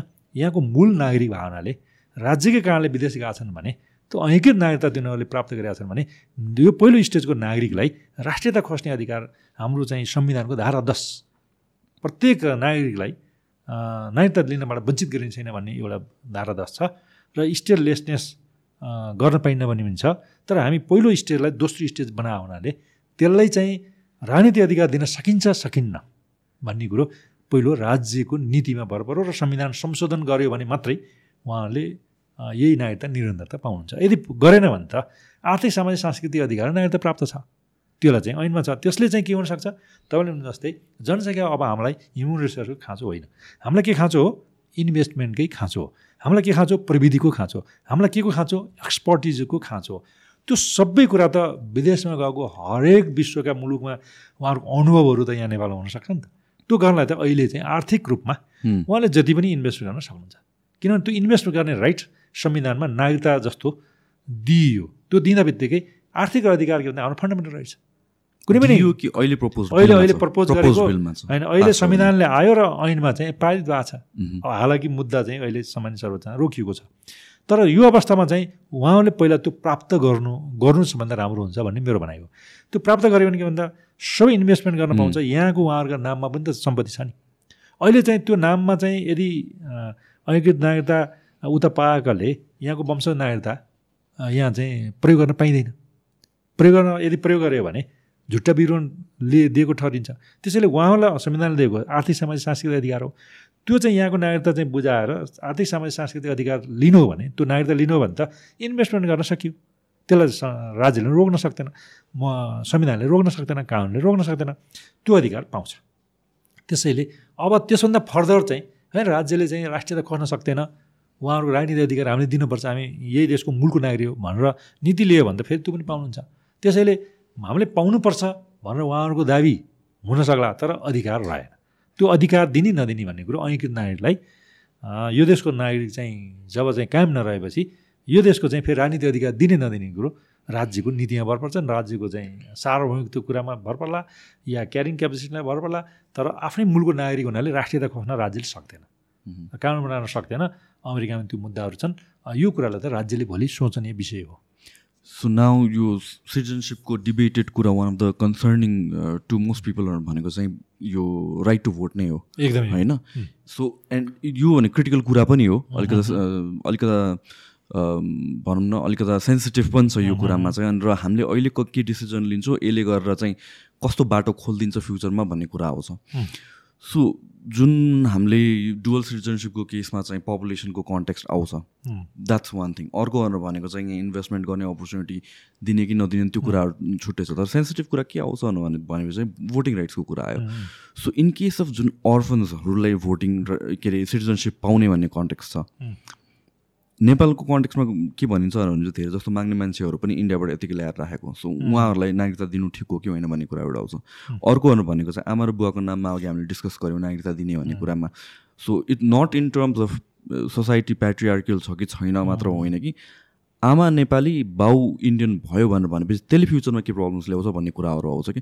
सो यो भोटिङ राइट्स अरू सबै कुराहरू हुँदा नम्बर टपमा आउने एजेन्डा अफ डिस्कसन भनेको भोटिङ राइट्सको कुराले गरेर आइरहेको छ कि? सो यो जुन आमा नेपाली र बाउ इन्डियनको केसमा छ यसले गरेर फ्युचरमा यो भोटिङ राइट्सले गरेर इस्युज ल्याउँछ कि ल्याउँदैन? होइन अब आमा नेपाली यदि बाबु विदेशी भयो या इन्डियन मात्रै मात्रै होइन विदेशी भनौँ न। या। विदेश छ भने त्यतिखेर तिनका सन्तानले के पाउँछन्? भन्दा ऐकृत नागरिकता भयो। होइन आमा नेपाली बाउ विदेशी ऊ त त्यसको सन्तानले के पायो? ऐकृत भयो। ऐकृतले के के पाउँछ? भन्दा राष्ट्रपति हुन पाएन। होइन पाउँछ त प्रधानमन्त्री हुन पाउँदैन। या संवैधानिक निकायका प्रमुखहरू हुन पाउँदैन। प्रधान न्यायाधीश हुन पाउँदैन होइन? हुन्छ सांसद त हुन्छ। त्यसले चाहिँ नीतिगत निर्णयमा त कुनै असर त पर्दैन। तर भोटिङ राइट चाहिँ अँ, ऐकृत नागरिकले त फेरि पाउँछन्। भोटिङ राइट पाउँछ। तल तह तल तहका सम्मका मुख्य या गभर्नर या चाहिँ तलका मेयरहरूदेखि लिएर सांसद त हुनसक्छ। त्यसले कति नीतिगत निर्णय गर्न सक्छ या राज्यलाई नै उलटपलट गर्न सक्छ भन्ने त्यो त होइन होइन? तर के हुनसक्छ भन्दाखेरि त्यसले चाहिँ भोलि सार्वभौमिकतालाई कन्स्टिट्युन्सीलाई उसका सन्तानले फेरि वंशज पाउँछन्। वंशज पाउँदै उनीहरूका मूलका नागरिकले हामी माइनोरिटी परिने कि भन्ने चाहिँ त्यो त दीर्घकालिक दीर्घकालिक असर पर्न सक्छ। त्यसले भोटिङ राइट भन्ने कुरो त्यो देशको संसारमा हेर्नुहुन्छ त्यो देशको मूल नागरिकलाई मात्रै दिन्छ। अन्यलाई चाहिँ दिँदैन। अमेरिका इभन हेर्नुहोस् ट्रिबल चाहिँ सिटिजनसिप पनि पाइन्छ। तर त्यहाँ के पाइन्छ? गभर्नरसम्म त्यहाँसम्म जान सक्ने। अमेरिका इन्डियामा इन्डियामा पनि गभर्नर या त्यहाँको चाहिँ मुख्यमन्त्रीसम्म दिने छ। जस्तो त्यहीँ हाम्रो राजीव गान्धी होइन को श्रीमती भनौँ सोनिया गान्धी। इटालियन हुन्। अब त्यहाँ आएर त प्रधानमन्त्री त बन्न सकिनन् नि। त्यसैले त्यो देशको एउटा नीति चाहिँ भर पर्ने भावनाले भोटिङ राइट भनेको त राजनीतिक अधिकार हुन्छ। राजनीतिक अधिकार चाहिँ कुनै पनि मुलुकले कुनै पनि विदेशीले चाहिँ या नागरिकता भनेको जिन्युन नागरिकले प्राप्त गर्ने हो। जसले राष्ट्रियता प्राप्त गर्छ त्यसले पाउने हो। तर गैर नागरिकले नागरिकता प्राप्त गर्न हुन्न भने संसारै हुँ। मूल सिद्धान्त हो। जस्तो कि त्यसैले राष्ट्रियता प्राप्त गरेर नागरिकता प्राप्त भोटिङ राइट हुनुपर्छ भन्यो भने त भोलि त दीर्घकालीन असर पर्न सक्छ। सार्वजनिकता प्रश्न हुनसक्छ। अखण्डताको प्रश्न हुनसक्छ। तर भोटिङ राइट त पाउँछ नि होइन। होइन भोटिङ राइट त पाउने तर कुन पक्षमा जाने भन्ने प्रश्न। नेचुरलाइजेसनको अंगीकृत नागरिकले जस्तो त्यही पनि भनौँ न। इन्डियामा गभर्नरसँग पाइन्छ। त्यहाँसम्म हुन्छ भोटिङ राइट हुन्छ उम्मेदवार उठ्न पाउँछ। या अमेरिकामा पनि गभर्नरसम्म हुनसक्छ त्योभन्दा माथि जान सक्दैन। त्यहाँको राष्ट्रपति हुन सक्दैन त्यहाँको प्रधानमन्त्री हुन सक्दैन त्यहाँको चाहिँ प्रधान न्यायाधीश हुन सक्दैन या चाहिँ त्यो गभर्नर बाहेक माथि जाँदैन। धेरै मुलुकमा यही हो। त्यसैले एउटा स्टेजको पहिलो फर्स्ट सिटिजन। फर्स्ट सिटिजन त्यो देशको र भोटिङ राइटमा भर पर्छ। त्यो अर्को नेचुरलाइजेसनलाई राइट टु भोट त हुन्छ तर तिनका सन्तानले फेरि वंशज नागरिकता पाउनाले सबै थोक पाउने भए। तर त्यो स्टेजको पहिलो सन्ततिले त पाउँदैन पहिलो पुस्ताले त पाउँदैन। त्यो नपाउने भनेको त्यसको चाहिँ नीतिगत भयो सो। मैले पनि अब यो दिस इज नट जस्ट मेरो पर्सनल क्वेसन मात्र होइन मैले मार्केटमा जे बाहिर जे बुझिरहेको छु त्यो अनुसारले मैले तपाईँलाई क्वेसन गर्न खोजेको चाहिँ सो प्राइम मिनिस्टर त बन्न पाएन तर प्राइम मिनिस्टर को बन्ने त चुन्न पायो नि त त्यो मान्छे? चुन्न पायो। डिरेक्टली अर इन्डाइरेक्टली चुन्न पायो। सो त्यसले गरेर त नेपालको पोलिटिक्सलाई इन अ वे त इन्फ्लुएन्स गर्न त पायो नि त। होइन केही न केही त इन्फ्लुएन्स भइहाल्छ। डिसिसन मेकिङमा त राइट ती मान्छे हुन्छन् जो मान्छे नेपाली मूलका मान्छे हुन्छन्। डिसिसन मेकिङमा गर्ने या नगर्ने त्यो पोस्टमा पनि त्यही देशको हुन्छ। त्यो अमेरिकामा पनि त्यही हो इन्डियामा पनि त्यही हो युरोपमा पनि त्यही हो बेलायतमा पनि त्यही हो। मैले सबै संसारको चाहिँ दुई सय उन्नाइस मुलुकको अध्ययन गरेकै छु होइन? तर अध्ययन गर्दाखेरि कहीँ पनि त्यस्तो चाहिँ भोटिङ राइट र नेचुरलाइजेसनलाई दिनुपर्छ ऐकरण भएकालाई चाहिँ राष्ट्रपति बनाउनुपर्छ प्रधानमन्त्री बनाउनुपर्छ भनेर मैले संसारमा कहीँ पनि देखेकै छैन। तर हाम्रोमा ओपन बोर्डर भएकोले त्यो केसको यो कन्टेक्सको सेन्सिटिभिटी अझ इन्क्रिज हुन्छ होइन? हाम्रो त अरूभन्दा अरूभन्दा अरूभन्दा रिक्स हुन्छ। त्यसैले मैले भने नि का एउटा सार्वभौमिकताको प्रश्न क्यारिङ क्यापेसिटीको भार वहन क्षमताको प्रश्न। अर्को चाहिँ हामी अविवेदको नीति भन्यो भने अविवेद नीतिमा महिला र पुरुषमा विभेद गर्न हुन्न भन्ने प्रश्न। त्यो त डेफिनेटली त्यो त डेफिनेटली हुन्छ नै। हामी रेटिफाई गरेका छौँ। त्यसैले यो राष्ट्र रहे पो त्यो देशको नागरिक रहन्छ। राष्ट्रिय रहेन। राष्ट्रिय माइनोरिटी भने त्यो देश कहाँ रहन्छ र? त्यसलाई त केही सर्टेन कुरा त राज्यले प्रिजर्भ गर्नैपर्छ त नगर्ने। त्यसैले यो यस्तो देशमा चाहिँ नागरिकताको सवालमा अविवेदको नीति लिने बरु विभेद गर्न भएन एउटा. लिङ्गको आधारमा। होइन कोही चाहिँ स्टेटलेसनेस बनाउनु पनि भएन। यो देशमा जन्मेको छ त्यस देशका नागरिक बाबुआमा त्यो देशको नागरिक हो भने स्टेटलेसनेस पनि बनाउनु भएन पनि बनाउनु भएन। तर यो देशको निर्णय गर्ने क्षमता यो देशको सार्वसत्ताको निर्णय गर्ने क्षमता या यो देशलाई चाहिँ सदा सर्वदालाई चाहिँ अखण्ड राख्न सक्ने खण्डीकरण गर्न नसक्ने क्षमता त्यही देशको मूल नागरिकले लिने हो। संसारको नीति नि त्यही।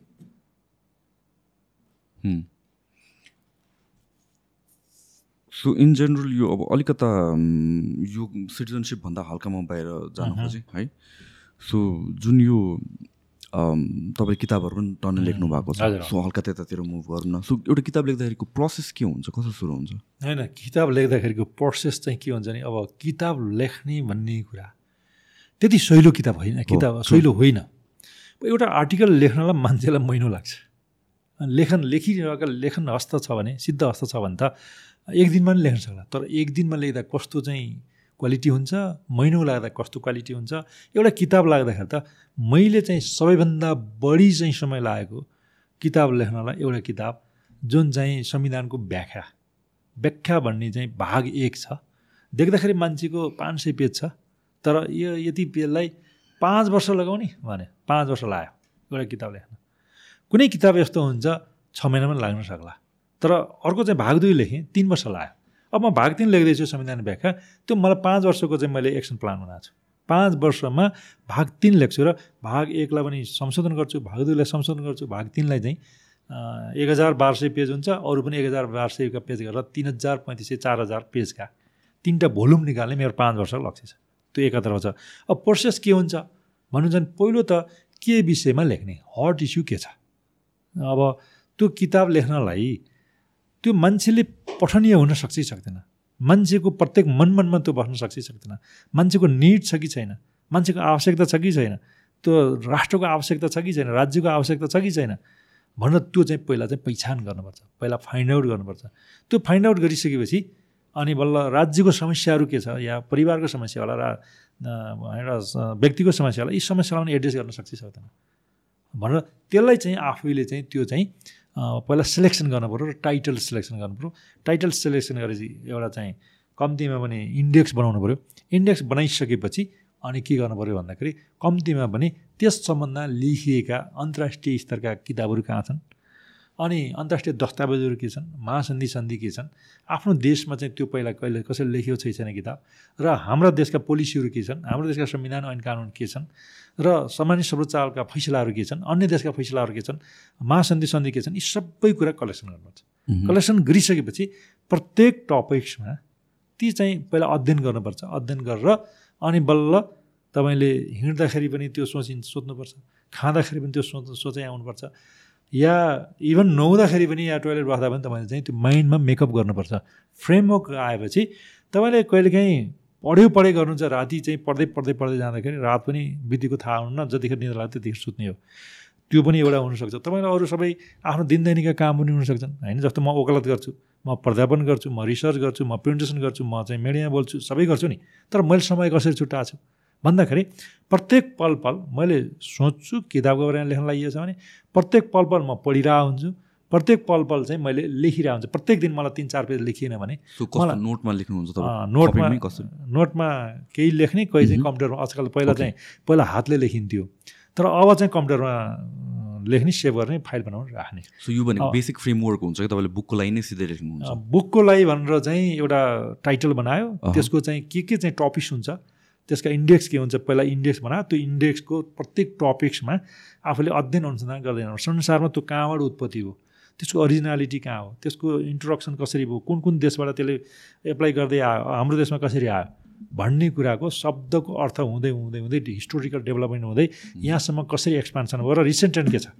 भन्ने कुराहरू त्यो चाहिँ अध्ययन अनुसन्धान गर्दै गर्दै आएर आफूले लेख्दै लेख्दै लेख्दै जानु पर्यो प्रत्येक दिन बिहान चाहिँ तपाईँ सुत्ने चाहिँ कुराहरू तपाईँलाई सबभन्दा महत्त्वपूर्ण हुन्छ जस्तो भनौँ न म कहिले चाहिँ एघार बजी सुत्छु कहिले एक बजी सुत्छु होइन? कहिलेकाहीँ म एघार बजी तिन बजी उठ्छु र तिन बजी पनि म चाहिँ फ्रेम रातभरि सपना पनि त्यो फ्रेममा बनिरहेको हुन्छ।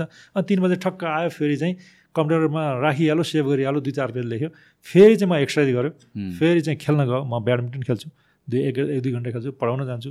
त्यसो त्यतिखेर पनि म सोचिरहेको हुन्छु। एउटा काम गर्दा गर्दै पनि त्यो सोचिरहेको हुन्छ र त्यही अनुसार फ्रेम बन्छ र बल्ल लेख्न सकिन्छ। अन्यथा चाहिँ लेख्न सकिँदैन। होइन त्यस कारणले यसको धैर्यता त्यत्तिकै खाँचो छ प्यासन्स त्यत्तिकै पऱ्यो र लक्ष्य चाहिँ मैले यति गर्नुपर्छ भन्ने पनि पऱ्यो यसले चाहिँ के गर्न सक्छ भन्दा यो देशलाई चाहिँ कन्ट्रिब्युसन गर्छ यो देश समाजलाई कन्ट्रिब्युसन गर्छ व्यक्तिलाई कन्ट्रिब्युसन गर्छ र मलाई चाहिँ कम्तीमा भने मैले पैसा कमाउनेतर्फ होइन। मैले कुनै पुरस्कार लिने भनेर होइन। मैले मेगा पुरस्कार पाएको छु। मैले चाहिँ सर्वोत्कृष्ट पुस्तक पाएको छु। होइन मैले धेरै पुरस्कार पाएको छु। पुरस्कार धेरै चाहिँ प्रधानमन्त्रीहरू धेरै प्रधानमन्त्रीले दिनुभएको छ। तर मैले दे त्यो मैले पुरस्कार पाउन लेखेँ होइन। मैले लेखेँ होइन। मेरो आफ्नो देशमा देशले पोल्छ मलाई। पहिलो देश भन्ने चाहिँ सबभन्दा ठुलो कुरो लाग्छ मलाई। त्यसो त्यसको देशको बस्ने जनताको चाहिँ सबभन्दा माया लाग्छ। त्यसपछि म राष्ट्र राष्ट्रियता र विधिको शासन सबैभन्दा यसैमा चाहिँ हजारजना लाखौँ मान्छे करोडौँ मान्छे म विरुद्ध भयो भने म बोल्न डराउनु म राष्ट्र विधिको शासन र देश जनताको पक्षमा जहिले बोल्ने हो। त्यो पक्षमा चाहिँ मलाई लेख्न एउटा हुटुटी जाग्छ र त्यो देशमा केही गरौँ म मरेर गए पनि त्यसले चाहिँ एउटा योगदान होस् भन्ने भएर म लेख्ने म मेरो व्यक्तिगत पहिचानलाई लेख्ने होइन। मेरो व्यक्तिगत पैसा कमाइलाई लेख्ने होइन। मैले चाहिँ अहिले जिन्दगीमा मैले घर जग्गा जोड्नेतर्फ भन्दा नि होइन एउटा घर त म बनाएको छु होइन? एउटा त्यत्रो गाडी पनि होला होइन? तर के हो भन्दाखेरि मैले चाहिँ यदि जग्गा जमिन कमाएको भए मेरो कमाइले चाहिँ म आज सिनियर एडभोकेट हुँदा मैले अरबौँ सम्पत्ति कमाउँथेँ। मलाई त्यो थाहा छ। अरबौँ कमाउँथेँ। त्यो मेरो अपर्च्युनिटी थिए। छन्। अहिले पनि छन्। तर म जग्गा जमिन जोड्ने या कुनै उद्योग धन्दा खोल्ने त्यो त भन्नु लाग्यो मैले के गरेँ?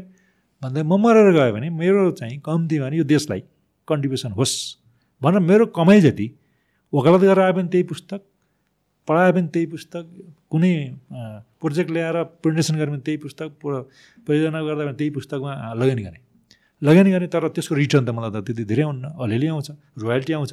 त्यही रोयल्टीले म चल्छु पनि फेरि। तर मलाई त्यति खुसी के हुन्छ भन्दाखेरि मेरो किताब पढेर कसैले म चाहिँ जिल्ला न्यायाधीश भन्छ कसैले सहसचिव भएँ सिडिओ भएँ भन्छ कसैले चाहिँ म यस्तो पदमा गएँ या मेजर भएँ या चाहिँ क्याप्टेन बने के के भन्छ? या म चाहिँ लको अधिवक्ता लाइसेन्स लिएँ तपाईँको किताब पढेर या मैले चाहिँ मेरो कोर्स भने तपाईँको किताब पढेँ। मलाई बाटाघाटा जुनसुकै ठाउँमा नेपालभरि जाँदा पनि मलाई सम्झिन्छ मलाई भन्छ। मलाई त्यही नै त्यो नै मलाई खुसी लाग्छ। त्यही नै आत्मसन्तुष्टि हो। सबैभन्दा आत्मसन्तुष्टि म यसैमा छ। त्यसै म यसमा रहन्छु। म म कुनै ठुलो पदमा जाने भन्ने मेरो लक्ष्य छैन। म भिभिआइबी जिन्दगी बन्दिनँ भनेको मान्छे हो। म भिभिआइबी पनि बन्दिनँ। र तर म यो देशलाई माया गर्ने विधिको शासनलाई माया गर्ने विधिको शासनभन्दा बाहिर गयो भने म चाहिँ प्रधानमन्त्रीलाई पनि म एकदम कडा रूपमा प्रस्तुत हुन्छु। या कुनै पनि प्रधान न्यायाधीश या कुनै पनि देशका चाहिँ शासकहरूलाई चाहिँ म विधिको शासनमा ल्याउन खोज्छु। म रिटहरू हाल्छु। यत्र रिटहरू मैले पब्लिक इन्ट्रेस्टमा समाजलाई चेन्ज गर्ने गर्छु।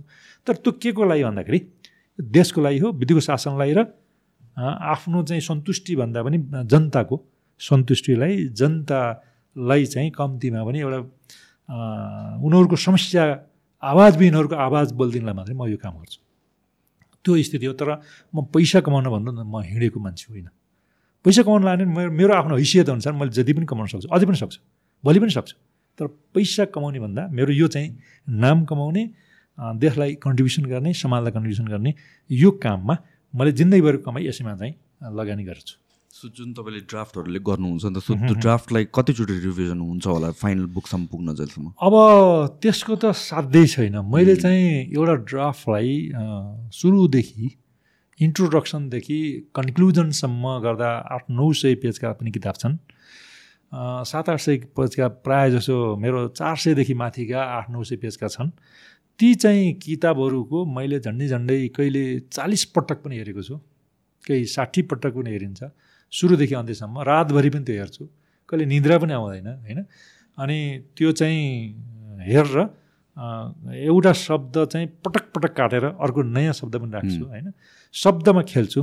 शब्द खेल्दा खेल्दा खेल्दा खेल्दा अनि कङ्क्रिट शब्द आउँछ। कङ्क्रिट शब्द आएपछि त्यसबाट अब चेन्ज गर्न सकिन्न भनेपछि त्यो छोडिदिन्छु र अनि साइटेसनका कुरा आउँछन् फ्रेमवर्कका कुरा आउँछन् होइन? स्रोतका कुरा आउँछन् त्यसलाई कङ्क्रिट गरेर पठनीय बनाएर मान्छे पढ्दाखेरि एकदमै टच्ची पनि हुनु पऱ्यो मन छुने हुनु पऱ्यो त्यो गरेपछि बल्ल मैले त्यसलाई फाइनलाइज गर्छु। त्यो फाइनलाइज गर्न त चालिसौँ पटक पचासौँ पटक पनि मेरा यो चाहिँ अभ्यास भएको छ। सो एउटा तपाईँ लिगल साइडबाट भएको एउटा मलाई ठ्याक्क अहिलेको कन्टेक्सको कुरा सोध्नु मन लगाइहाल्यो यो अहिले बेटिङसँग रिलेटेड कुराहरू अहिले आइरहेको छ होइन? सो नेपालमा बेटिङ इलिगल छ पहिलादेखि नै। पहिला पनि बेटिङ गर्नेहरू गराउनेहरू प्लस बेटिङ भनौँ न अहिले त बेटिङको प्रमोसन गर्नेहरूलाई पनि कारवाही गर्ने भन्ने कुरा आएको छ। सो जस्तो बेटिङको कन् कन्टेक्स्टलाई चाहिँ मोरली या एथिकली हेर्ने हो भने त्यसलाई चाहिँ अब हामीले डिपेन्डिङ अपन हामी कुन सोसाइटीमा बस्छौँ त्यो सो त्यो सोसाइटी अनुसारले त्यो राम्रो कि नराम्रो भनेर छुट्याउन सक्छौँ। त्यो मोरल र एथिक्समा भर पर्छ। तर एज अ सिटिजन र उसको राइट अनुसारले हेर्ने हो भने चाहिँ त्यो तपाईँले कसरी हेर्नुहुन्छ यसलाई? होइन बेटिङलाई त यस्तो हो राज्यले नीति ल्याउँछ छैन राज्यको कानुन छ कि छैन? कानुन छ भने बेटिङ चाहिँ लिगल भयो। कानुन छैन भने बेटिङ इलि इलिगल भयो त्यसै इलिगल र लिगल भन्ने कुरा राज्यलेको नीतिमा भर पर्ने भयो कानुनमा भर पर्ने भयो संविधान ऐन कानुनमा भर पर्ने भयो।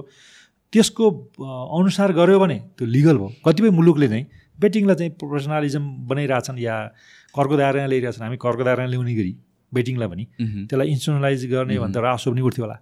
होइन? यो पनि कन्टेक्स्ट अहिले आइरहेको छ कि लाइक इलिगल नै भनेर डिक्लेयर गर्ने कि वाइ नट एउटा सिटिजनको राइट टु अब आफ्नो प्रपर्टीले जे गर्नु मन छ गरोस् तर त्यसलाई चाहिँ राज्यले कन्ट्रोल गर्ने हो कि या भने चाहिँ भन्नु यो कर करको दायरामा ल्याउने हो कि भन्ने पनि कुरा छ। अनि यस्तो हुन्छ। अब सम्पत्ति भनेको चल पनि हुन्छ अचल पनि हुन्छ। ट्यान्जिबल इन्ट्यान्जिबल सम्पत्ति हुन्छ। त्यो सम्पत्ति चाहिँ हाम्रो चाहिँ अहिले के राखियो भन्दाखेरि जस्तै अमेरिका भन्नुहोस्। अमेरिका पाँचौँ संशोधन अमेरिकाले गर्यो संविधानको या चौधौँ संशोधनमा त्यहाँ do process of law accord इन्डियामा according esta procedure establish by law भन्यो। नेपालमा एकोर्डिङ टु ल भन्यो। यी तिनवटा चिज भयो। भनेपछि नेपालमा चाहिँ अहिले सम्पत्तिलाई चाहिँ चल र अचल सम्पत्ति सम्पत्ति मान्छ। होइन चल पनि सम्पत्ति हो अचल पनि सम्पत्ति हो गुडुल पनि सम्पत्ति हो पेटेन्ट पनि हो डिजाइन पनि हो सारा सम्पत्ति हो नि त। त्यो सम्पत्ति के हो? हाम्रो चाहिँ अब एकोर्डिङ टु ल भन्छ तर हामी कहाँ फन्डामेन्टल राइटमा राख्यो मौलिक हकमा राख्यो।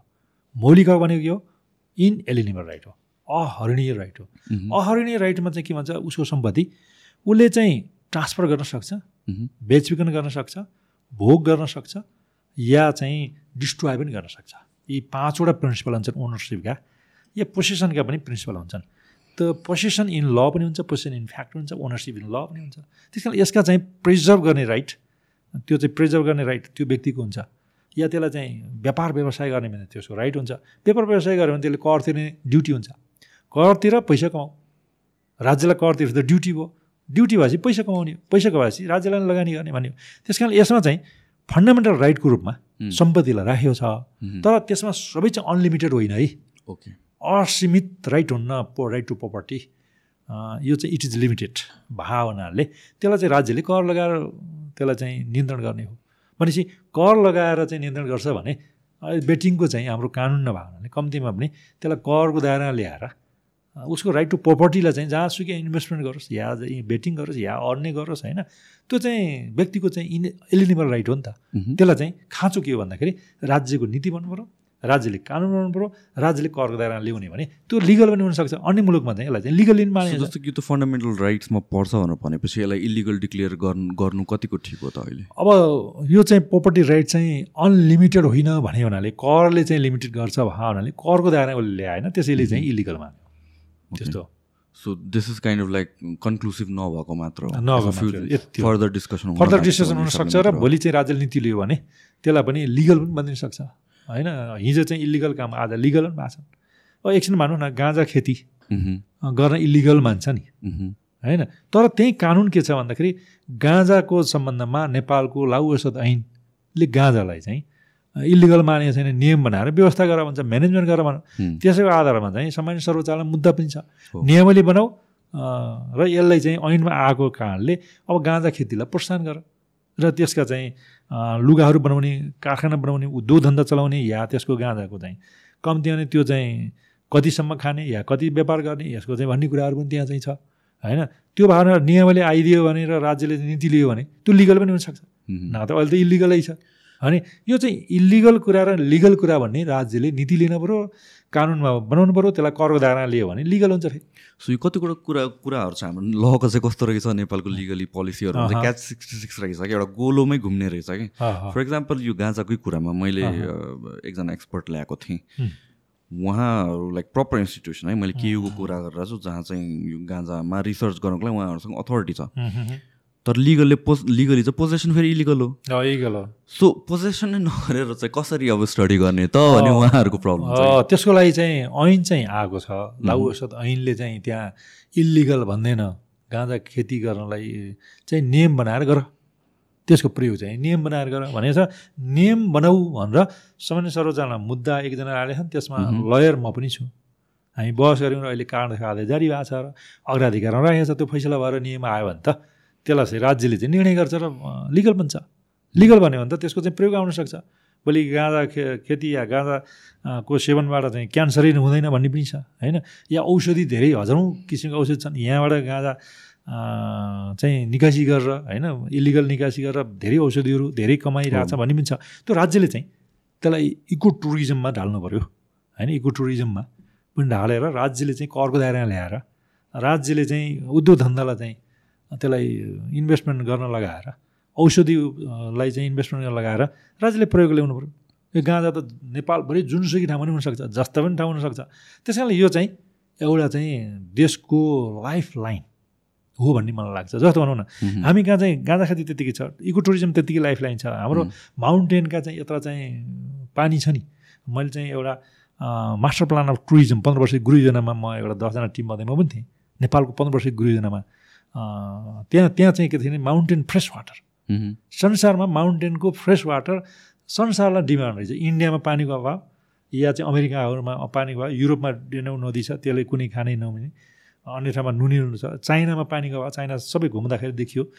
त्यो अवस्था छ। भनेपछि नेपालमा यति चाहिँ अवसरै अवसर छ जहाँ यत्र नदीहरू छन्। अब उन्चालिस हजार त यहाँको मेगावाट नै होइन। त्यो चाहिँ बिजुली चाहिँ संसारभर खब बेच्न सकिन्छ यस्तो पनि छ भनेपछि यो चाहिँ माउन्टेन फ्रेस वाटरलाई नै हामी कमर्सलाइज गरेर संसारभर बेचेर पनि लाइफ लाइन बन्न सक्छ अर्को चाहिँ हेर्ने बजेटमा आइडेन्टिफाई पनि गरेछ क्या गरेछ। अहिले अहिले गरिरहेको छ अब अर्कोतर्फ हेर्नुहुन्छ लाइफ लाइन चाहिँ अर्को हेर्नुहुन्छ निजगढ विमानस्थल। निजगढ विमानस्थलमा जुन सामान्य सर्वोच्चले यहाँ चाहिँ चौबिस लाख रु काटिने र यहाँ चाहिँ यहाँ चाहिँ सबै इन्डेन्जर एनिमलहरू चाहिँ जाने भए या इन्डेन्जर चाहिँ प्लान्टहरू मासिने भए त्यसैले यो चाहिँ त्यहाँ बन्न सक्दैन अन्य ठाउँमा बन्छ भने बनाऊ। कहाँ बन्न सक्छ हेर एक्सपर्ट टिमहरू गठन गर भनेर सुप्रिम कोर्टले भनिदियो एक्सपर्ट टिम चाहिँ शेरबहादुर देउबाको प्रधानमन्त्री कालमा। मन्त्री परिषदले निर्णय गरेर म पनि एउटा एक्सपर्ट टिममा परेँ दसजनाको एक्सपर्ट टिममा मलाई पनि नियुक्ति गर्नुभएको थियो र झन्डै महिनौ लगाएर हामीले निजगढ विमानस्थल यदि चाहिँ टु लेनको मात्रै बन्ने भने उन्नाइस हजार हेक्टर होइन हाम्रो चाहिँ केही चाहिँ हेक्टरमा आठ सय हेक्टर या बाह्र सय हेक्टरमा जस्तो हेत्रो विमानस्थल छ त्यो पनि संसारै ठुलो हाम्रो आठ सय हो। हेक्टर पनि हुन्छ। त्यहाँ त्यति गर्दा जम्मा साठी हजार रुख काटिन्छ ओके। त्यहाँ चौबिस लाख रुख। काटिँदैन। तर हामी टाङ्गिया बस्तीलाई भने अ, त्यो भने एयरपोर्ट बन्न सक्छ। इन्डेन्जर प्लान्टहरूलाई चाहिँ हामी चाहिँ अन्य ठाउँमा चाहिँ बीज रोपण गरेर पनि गर्न सकिन्छ। वा वान इज टू वान रुखहरू अन्य ठाउँमा रोप्यो भने त्यो चाहिँ प्लान्टहरू चाहिँ हामी फरेस्टलाई चाहिँ डिस्ट्रोय नगरिकन गर्न सक्छौँ। या इन्डेन्जर चाहिँ एनिमलहरू पनि त्यति धेरै रहन्छन्। हात्तीको कोरिडोर छ भने हात्तीको कोरिडोर पनि रहन्छ। त्यसैले त्यो टाङ्ग्या बस्तीमा टु लेनको चाहिँ फुल फ्लेज इन्टरनेसनल एयरपोर्ट बन्छ जहाँ चाहिँ पन्ध्र नटिकल माइल त्यो चाहिँ इन्टरनेसनल बोर्डहरूलाई छुँदैन। त्यो भएपछि संसारको आइकाहरूले मान्यता दिइरहेछ त्यो मान्यता दिने हुँदा त्यहाँ जति फुल फ्लेजको इन्टरनेसनल एयरपोर्ट अन्य ठाउँमा बन्न सक्दैन जस्तो भैरवामा टु नटिकल माइल छ। टु बाह्र नटिकल माइल नहुने हो भने आइकाहरूले मान्यता दिँदैन। पोखराको चाहिँ डाँडा काट्नुपर्छ। त्यहाँ पनि इन्टरनेसनल एयरपोर्ट खास चाहिँ हुन सक्दैन। त्यो नाम मात्रका भए त्यसैले नेपालमा अहिलेको चाहिँ त्रिभुवन विमानस्थलको चाहिँ वान लेनको छ। वान लेनमा चाहिँ इमर्जेन्सी ल्यान्डिङ हुन सक्दैन। त्यस कारणले त्यहाँ निजगढको टु लेनको फुल फ्लेज। इन्टरनेसनल एयरपोर्ट बन्यो भने त्यतिर के हुनसक्छ भन्दाखेरि हिमालय रुट खुल्छ पूर्वको रुट खुल्छ पश्चिमको रुट खुल्छ। जस्तो इस्ट एसियाका सबै प्लेनहरू इमर्जेन्सी ल्यान्डिङ गर्छन्। या दक्षिण एसियाको इमर्जेन्सी ल्यान्डिङ गर्छन्। इन्डियाको बम्बई र उता चाहिँ दिल्ली जान पर्दैन या छेन्दु र बेजिङ जान पर्दैन। त्यो भयो भने के हुन्छ भने तिनवटा रुट खोल्दाखेरि त नेपालमा एउटा लाइफ लाइन बन्न सक्छ। अरबौँ डलर नेपालले कमाउन सक्छ। अब अहिले मान्छेले विरोध गरिरहेका छन् एउटा भैरवा चल्न सकिँदैन पोखरा चल्न। भैरवा त टु नटिकल माइल चाहिँ आइकाले मान्यतै दिन्न। अहिले पश्चिमको रुट खोल्दैमा एकछिनमा चाहिँ त्यहाँ मान्यता नभएको टु नटिकल माइलमा अरू इन्डियाको छुन्छ। एकछिनमा त इन्डियाले देला। तर अहिले दिन्न भन्यो भने छैन। त्यो त बन्दै नबन्नु पर्ने बन्दै नपर्ने। किन बनाए? जस्तो चाहिँ भनौँ न पोखरा किन भन्यो जहाँ चाहिँ डाँडा काँडा सबै काट्नुपर्छ दुई सय मिटर जति। त्यो नभए एक्सिडेन्ट हुन्छ होइन? यो स्थिति त्यहाँ भएको कारणले गर्दाखेरि यो फुल फ्लेजको नेपालमा हामी कम्पेरिटिभ स्टडी गऱ्यौँ। चितवनको या चाहिँ सिमराको या चाहिँ यहाँको भनौँ न यहाँको एयरपोर्ट जहाँ चाहिँ अहिले भीमसेन गोला र पेप्सी कोला चाहिँ त्यो चाहिँ अधिग्रहण गर्नुपर्ने हुन्छ विश्व ब्याङ्कले एकचोटि गर्ने भने हामी मास्टर प्लान टुरिज्म बनाउँदाखेरि पन्ध्र वर्ष गुरु बनाउँदा दस सालमै। त्यतिखेर चाहिँ त्यो चाहिँ क्रस हुनुपर्छ भनेको थियौँ। तर त्यो चाहिँ विश्व ब्याङ्कले चाहिँ दिन सक्दिनँ त्यो अरमौँ लाग्छ भने त्यहाँ घना बस्ती पनि छ सिमरामा घना बस्ती छ। हेटौडामा चाहिँ बन्नै सक्दैन पाहाडहरूसँग ठकिन्छ या चाहिँ विराटनगर र यहाँ भैरवा धनगढी कहीँ पनि इन्टरनेसनल बन्दैन। पोखरामा बन्नै सक्दैन। बन्ने भनेको त्यति हो त्यही निजगढमा बन्ने भयो भने त्यो चाहिँ अरबौँ डलर लाइफ लाइन हुँदो रहेछ हेर्नुहोस्। सो यो जुन यस्तो चाहिँ हुँदा भने हाम्रो विरोध किन गरिरहेको छ भन्दाखेरि त्यहाँ दुईवटा चाहिँ चाइनाको इन्भेस्टमेन्ट भयो। त्यहाँ चाइनाले इन्भेस्टमेन्ट गरिसकेपछि इन्डियाले पनि सफल समर्थन जनायो। यदि चाहिँ यहाँ बन्ने भने त उनीहरूको इमर्जेन्सी ल्यान्डिङ हुँदैन।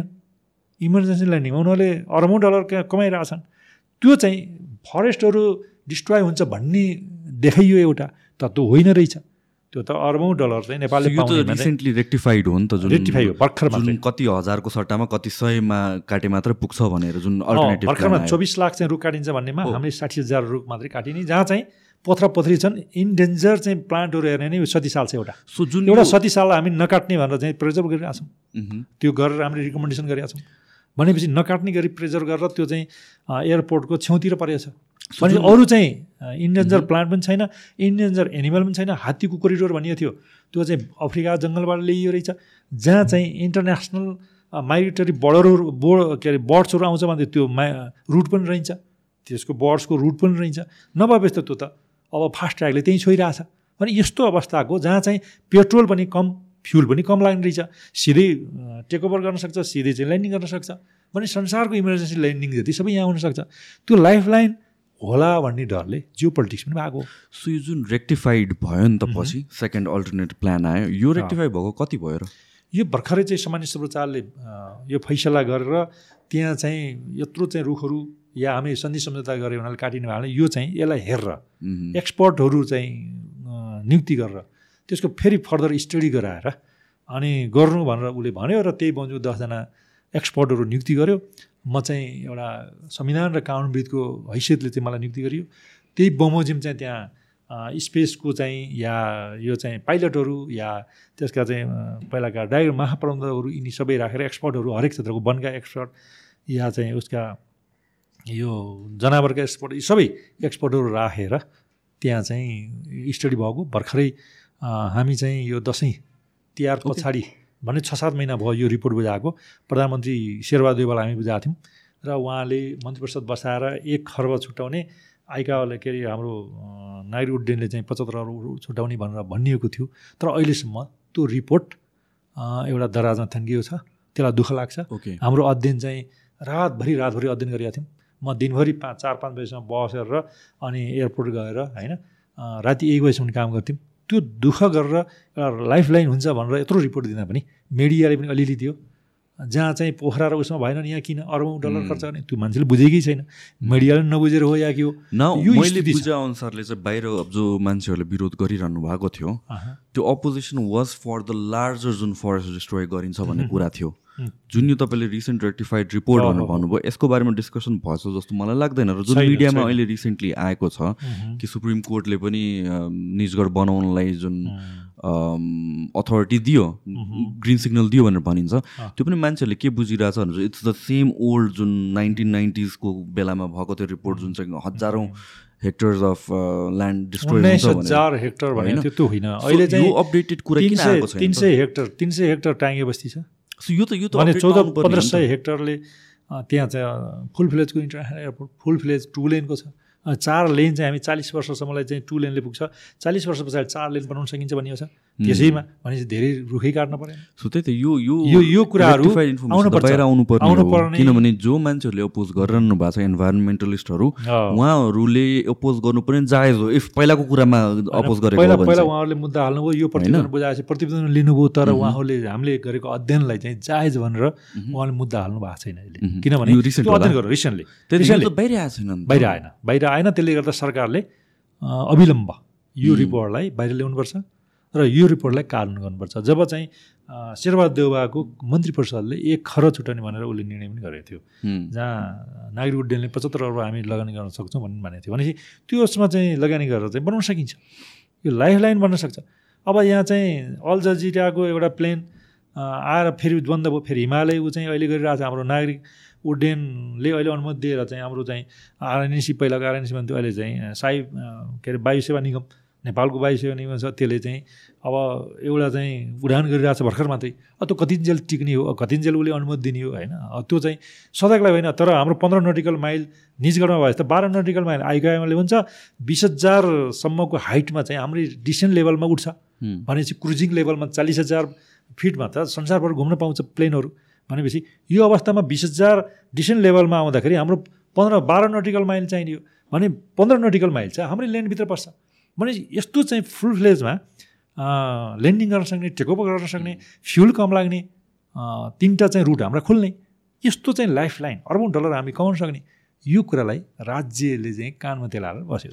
सो प्रब्लम त्यही त हुन्छ। प्रब्लम भनेको के हुने रहेछ भनेपछि यो जुन तपाईँले रिसेन्टली प्रपोज गर्नुभयो जुन स्टडी भएको छ यो भनेको त मिडल ग्राउन्डमा हो। होइन पहिला त एउटा एक्सट्रिममा त्यो सबै डिस्ट्रोय गर्ने so people were opposing and it makes त्यो डिस्ट्रोय चाहिँ त्यस्तो साना साना पोथराहरू हुने जहाँ साठी हजार हो। त्यसको सट्टामा वान इज टू वान हो। राष्ट्रिय गौरवको आयोजना छ भने वन ऐनको दफा बयालिसले चाहिँ के भन्छ भन्दा वान इज टू वान सम्म चाहिँ अरू रुख रोपेपछि हुन्छ भनेपछि अरू रुख रोप्नलाई जग्गा सरकारले छुट्याएकै छ। सो जस्तो कि- टाङ्गे बस्तीलाई चाहिँ अन्य ठाउँमा त्यहाँभन्दा बढी अपर्च्युनिटी धेरै राम्रो ठाउँमा चाहिँ अर्को जग्गा जमिन छुट्याएको छ। त्यहाँ गएर उनीहरूले बसाइ सर्ने मात्रै हो होइन? त्यो चाहिँ एउटा आवास कम्पनीहरू बनाइदिएर उसले बनाउने हो। त्यो गरिदिएपछि त उसलाई पूर्जा त्यहाँको दिन सक्ने सरकार तयारी छ। सो यो रिसेन्ट जुन प्लान छ updated, यो त बाहिर आउनु पर्ने हो नि त। यो बाहिर न आउनु। बाहिर नआउनुको कारण जियो पोलिटिक्स नै हो जस्तो एकदम एकदम एकदम जियो पोलिटिक्स र जनताले चाहिँ यस सम्बन्धमा निटी गिटीको कुरा नबुझेर हो। जहाँ चाहिँ इन्टरनेसनल एयरपोर्ट चाहिँ भैरवाएर त्यहाँ बनाइएको छ। त्यस कारण यहाँ चलेको छैन। यहाँ किन अरबौँ पैसा खर्च गर्ने?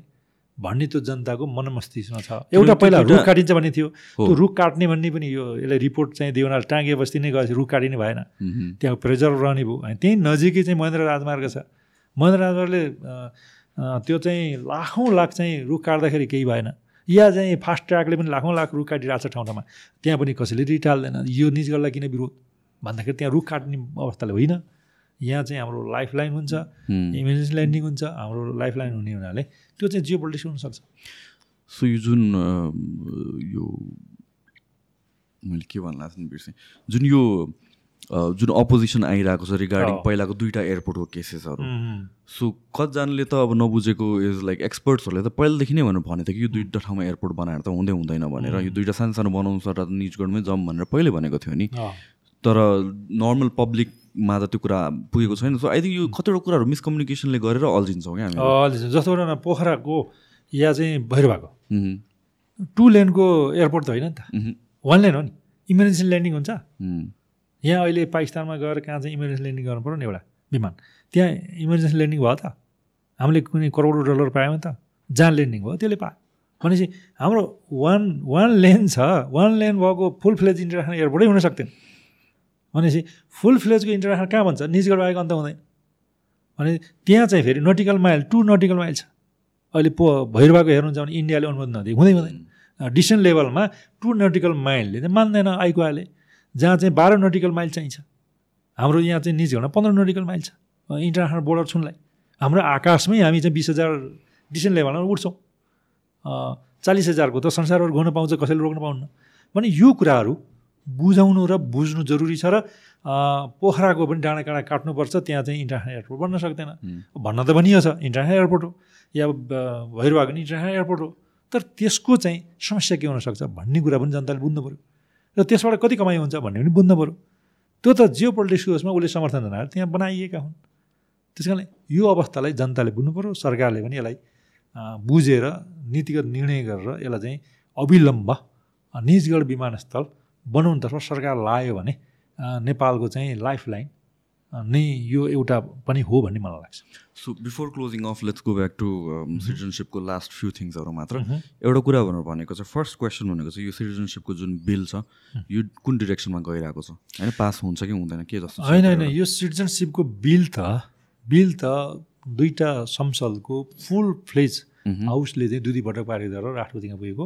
एकचोटि पेन्डिङ भयो एकछिन मान्नुहोस् पहिलो राष्ट्रपतिले। अहिले चाहिँ पर्पेचुअल सक्सेसरमा रामचरण पौडेल आउनु। उहाँले चाहिँ सरकारको निर्णयको आधारमा निर्णय गरेर स्वीकृति गरेर आएको छ। अहिले त कानुन बन्यो ऐन बन्यो। त्यो किन ऐन ऐन? बनिसकेपछि ऐन बनिसकेपछि ऐन त बनिसक्यो। मह्म, तर ऐन चाहिँलाई रोकिएको मात्रै हो स्टे अर्डरले। त्यसको लागि चाहिँ छलफललाई बोलाएको छ सरकारलाई। सरकारबाट बोलाएपछि सरकारले अब मूल निर्णय चाहिँ मगाउन उसले सर्वोच्चले मगायो आदेश गर्यो मूल निर्णय आयो। अब चाहिँ फैसला हुनुभन्दा स्टे अर्डर जारी गर्ने या नगर्ने यो ऐनलाई चाहिँ अगाडि बढाउने या नबढाउने भन्ने सम्बन्धमा बहस हुन बाँकी छ। यदि चाहिँ स्टे अर्डरलाई खारेज गर्यो भने त यो ऐन चाहिँ तत्कालै चाहिँ लागू गर्न सकिन्छ। त्यो ऐनअनुसार फेरि कार्यविधि बन्नुपर्छ ए, नियमावली बन्नुपर्छ। त्यो कार्यविधि बनाउनु पऱ्यो त्यसपछि सबै सिडिओ साहबहरूलाई चाहिँ गृह मन्त्रालयले परिपत्र जारी गर्नु पऱ्यो त्यसपछि बल्ल यी कन्टेन्टमा भएका विधेयकभित्र भएका कन्टेन्टमा भएकाहरू जे जे चाहिँ मान्छेले नागरिकता जो जसले नागरिकता पाउँछ त्यो पाउने अवस्था आउन सक्छ। अब अहिले चाहिँ यो ऐन त पारित भएको छ त्यो सुप्रिम कोर्टले भोलि चाहिँ यो कार्यविधिगत त्रुटि भनेर फालिदियो भने एउटा कुरा होला। मोस्ट लाइकली कुन डिरेक्सनमा जाला जस्तो छ? होइन अब अब अदालतमा सबजुडिस केस बनाले मैले यसो गर्छ उसो गर्छ। भन्न मिल्दैन। ओके तर तर यसको कन्टेन्टमा हेर्दा संविधान सम्मत छ। संविधान बमोजिम आएको छ एउटा चाहिँ सङ्घीय कानुन बमोजिम भनेर विदेशी नागरिक जो महिला छन् नेपाली नागरिकसँग विवाह गर्ने गरेको छ ऐकृत नागरिकता पाउने चाहेको बखतमा भन्ने पहिलाको ऐनमा भयो। तर यो सङ्घीय ऐन बनिएपछि त्यो पहिलाको ऐन त अन्तिम संविधानले चिन्दैन थियो। अन्तिम संविधान त पहिला आयो यो संविधानले चिन्दैन।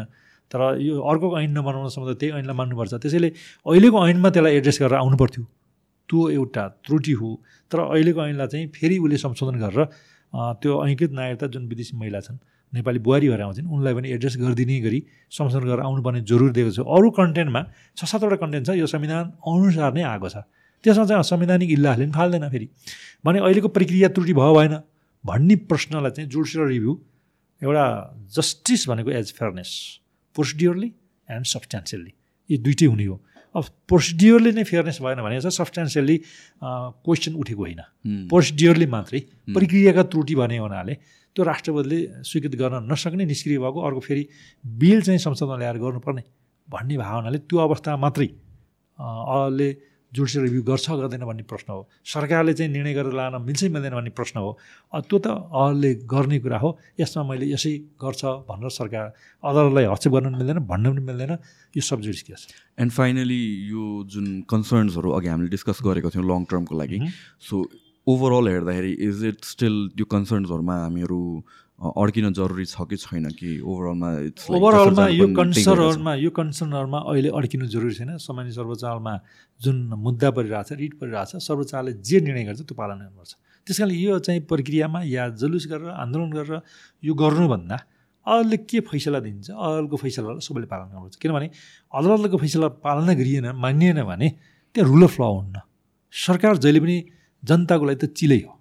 चिलो र अदालत भनेको माउ हो या गार्जियन हो। अदालत भनेको गार्जियन अफ कन्स्टिट्युसन हो। अदालत भनेको संविधानको अन्तिम व्याख्याता हो। अदालत भनेको एउटा न्यायको अन्तिम रेसोर्ट हो। अन्तिम रेसोर्ट दिने ठाउँमा पुगेपछि यहाँ चाहिँ हल्ला गर्ने आवाज उठाउने या जुलुस गर्ने भन्नुभन्दा लोकतन्त्रमा अदालतले नै लोकतन्त्रको एउटा आधार स्तम्भ भावनाले अदालत त्यही लोकतन्त्रलाई संस्थागत विकास गर्ने न्यायिक पुनरावरण मार्फत हुने भावनाले अदालतले जे निर्णय दिन्छ त्यसलाई पालना गर्नु नै सबभन्दा राम्रो हुन्छ। अर्को निर्णयलाई पर्खिनु पनि लोकतान्त्रिक मूल्य मान्यता नै हो। संसारमा रुल अफ लका मुलुक डेमोक्रेटिक मुलुक गणतन्त्रका मुलुक सबैले चाहिँ अदालतको निर्णयलाई मान्छन्। यदि निर्णयलाई मान्ने भने त सरकार जहिले पनि अधिनायक हुन्छ। जहिले पनि निर्णयको सुन्छ सरकारको लाई मान्नुभन्दा अरूले के निर्णय गर्छ त्यसलाई चाहिँ मान्नु पऱ्यो त्यसलाई पर्खिनु पऱ्यो त्यो पर्खाउनु नै राजनीतिक संस्कार पनि हो। हाम्रो नागरिकको कर्तव्य पनि हो। र संविधान वाद पनि हो त्यही हो संविधानवाद भनेको लिमिटेड गभर्मेन्ट यदि अदालत हुँदैन भने लिमिटेड गभर्मेन्ट हुँदैन सीमित सरकार हुँदैन। अदालत भएन भने सरकार त जहिले पनि असीमित हुन्छ जहिले पनि निरङ्कुश हुन्छ अधिनायक हुन्छ त्यसलाई रोक्ने चाहिँ भनेको अदालत हो। अदालतको फैसला सबैले पालना यदि पालना गरेन भने अवहेलना सजाय हुन्छ। त्यो त लोकतन्त्रको सुन्दर पक्ष हो। Doctor Kewali thank you so much for your time फ्युचरमा पनि I hope we can sit down and discuss since तपाईँ you are an expert in anthropology as well which is a topic जुन मलाई एकदमै इन्ट्रेस्ट लागेको topic हो। त्यहाँ पनि फर्दर डिस्कसन गर्न पाऊँ। एन्ड केही एनिथिङ लास्टमा केही भन्न छुट छुटेको छ केही होइन यसमा चाहिँ खासै अब छुटेको अवस्था छैन। अब भोलि तपाईँले भन्नुहुन्छ भने भोलि संविधानको सङ्घीयताको बारेमा या समावेशिताको बारेमा मैले सङ्घीयताका धेरै किताब लेखेको हुनाले अहिले नागरिकता मात्रै भनेको या जुडिसियरीकै बारेमा या संवैधानिक इलासकै बारेमा जति पनि मैले अध्ययन अनुसन्धान या रिसर्चहरू गरिरहेको छु होइन त्यसको बारेमा चाहिँ थप फेरि तपाईँ मार्फत जनतालाई सूचित गर्न पाइयो भने पनि केही चाहिँ कन्ट्रिब्युसन हुन्छ कि भन्ने मैले पनि आशा गरेको छु। र मेरो आफ्नो चाहिँ पेसाको बारेमा या प्राध्यापनको बारेमा पनि म धेर थोर आफ्नो अनुभव पनि सेयर गर्न चाहन्छु र मेरो अध्ययन अनुसन्धान जति पनि देशकै लागि गरिरहेको छु मैले पब्लिक इन्ट्रेस्ट लिटिगेसनमा देशमा या समाजमा परिवारमा पनि मैले हालेका रिटले केही न केही सुधारहरू भइरहेछन् जस्तो मैले बहुबिहा थियो बाह्रवटा कन्डिसनमा थियो बहुबिहा चाहिँ हुनुहुन्न भनेर सामान्य सर्वचालमा हालियो र बहुबिहा अन्त्य भयो त्रिसठी सालदेखि। आमाहरूले पनि नागरिकता दिनु पाउनुपर्छ भनेर मैले हालेँ त्यो अहिले बल्ल सक्सेस भएको छ अझै पनि बाँकी नै छ। ज्येष्ठ नागरिक भनेर चाहिँ वृद्ध वृद्ध भन्थ्यो ज्येष्ठ नागरिक साठी वर्ष नआएका ज्येष्ठ नागरिक भनेर ऐन ल्याउँ भन्यो। ऐन आयो त्यो पनि भयो। होइन अब मैले जति पनि निर्वाचनका कुराहरू सरकारले गर्दैन निर्वाचनको निर्वाचन गर भनेर मुद्दा हालेर होइन निर्वाचन गराउने काम पनि गरिरहेको छु भनेपछि यो देशलाई पनि केही न केही होइन मैले जेलकै सुधार गरिपाउँ भनेर कख श्रेणी अन्त्य गरेँ। तटस्थ बस्थेँ सत्र सत्र पटकसँग प्रधानमन्त्री पुष्पकमल दाहाल र रामचन्द्र पौडेल लड्नुहुन्थ्यो। मैले चाहिँ तटस्थ बस्न पाइनँ भोटाल भनेर भने तटस्थ भन्ने नै संविधानसँग बाध्य भनेर फाइल दिएँ। पछि चाहिँ झल्ना भोट हाल्दाखेरि झलनाथ खनाल प्रधानमन्त्री बन्नुभयो। त्यो काम पनि मैले गरिदिएको थिएँ गरेको थिएँ एउटा रिट मार्फत भनेपछि एउटा लयरले गर्ने भनेको डेढ दुई सय चाहिँ पब्लिक इन्ट्रेस्ट लिटिगेसन मैले हालेर समाज अब मैले भनेर साध्य छैन। यो कुराहरू मेरो कन्ट्रिब्युसन केही चाहिँ गर्न खोजिरहेको छु र अब अझै पनि फर्दर मलाई गर्ने इच्छा छ। यसमा पनि म भोलि चाहिँ जनतालाई सूचित गर्ने मौका पाऊँ। यही भन्दै बिदा हुन्छ। हस् थ्याङ्क यू सो मच हस्।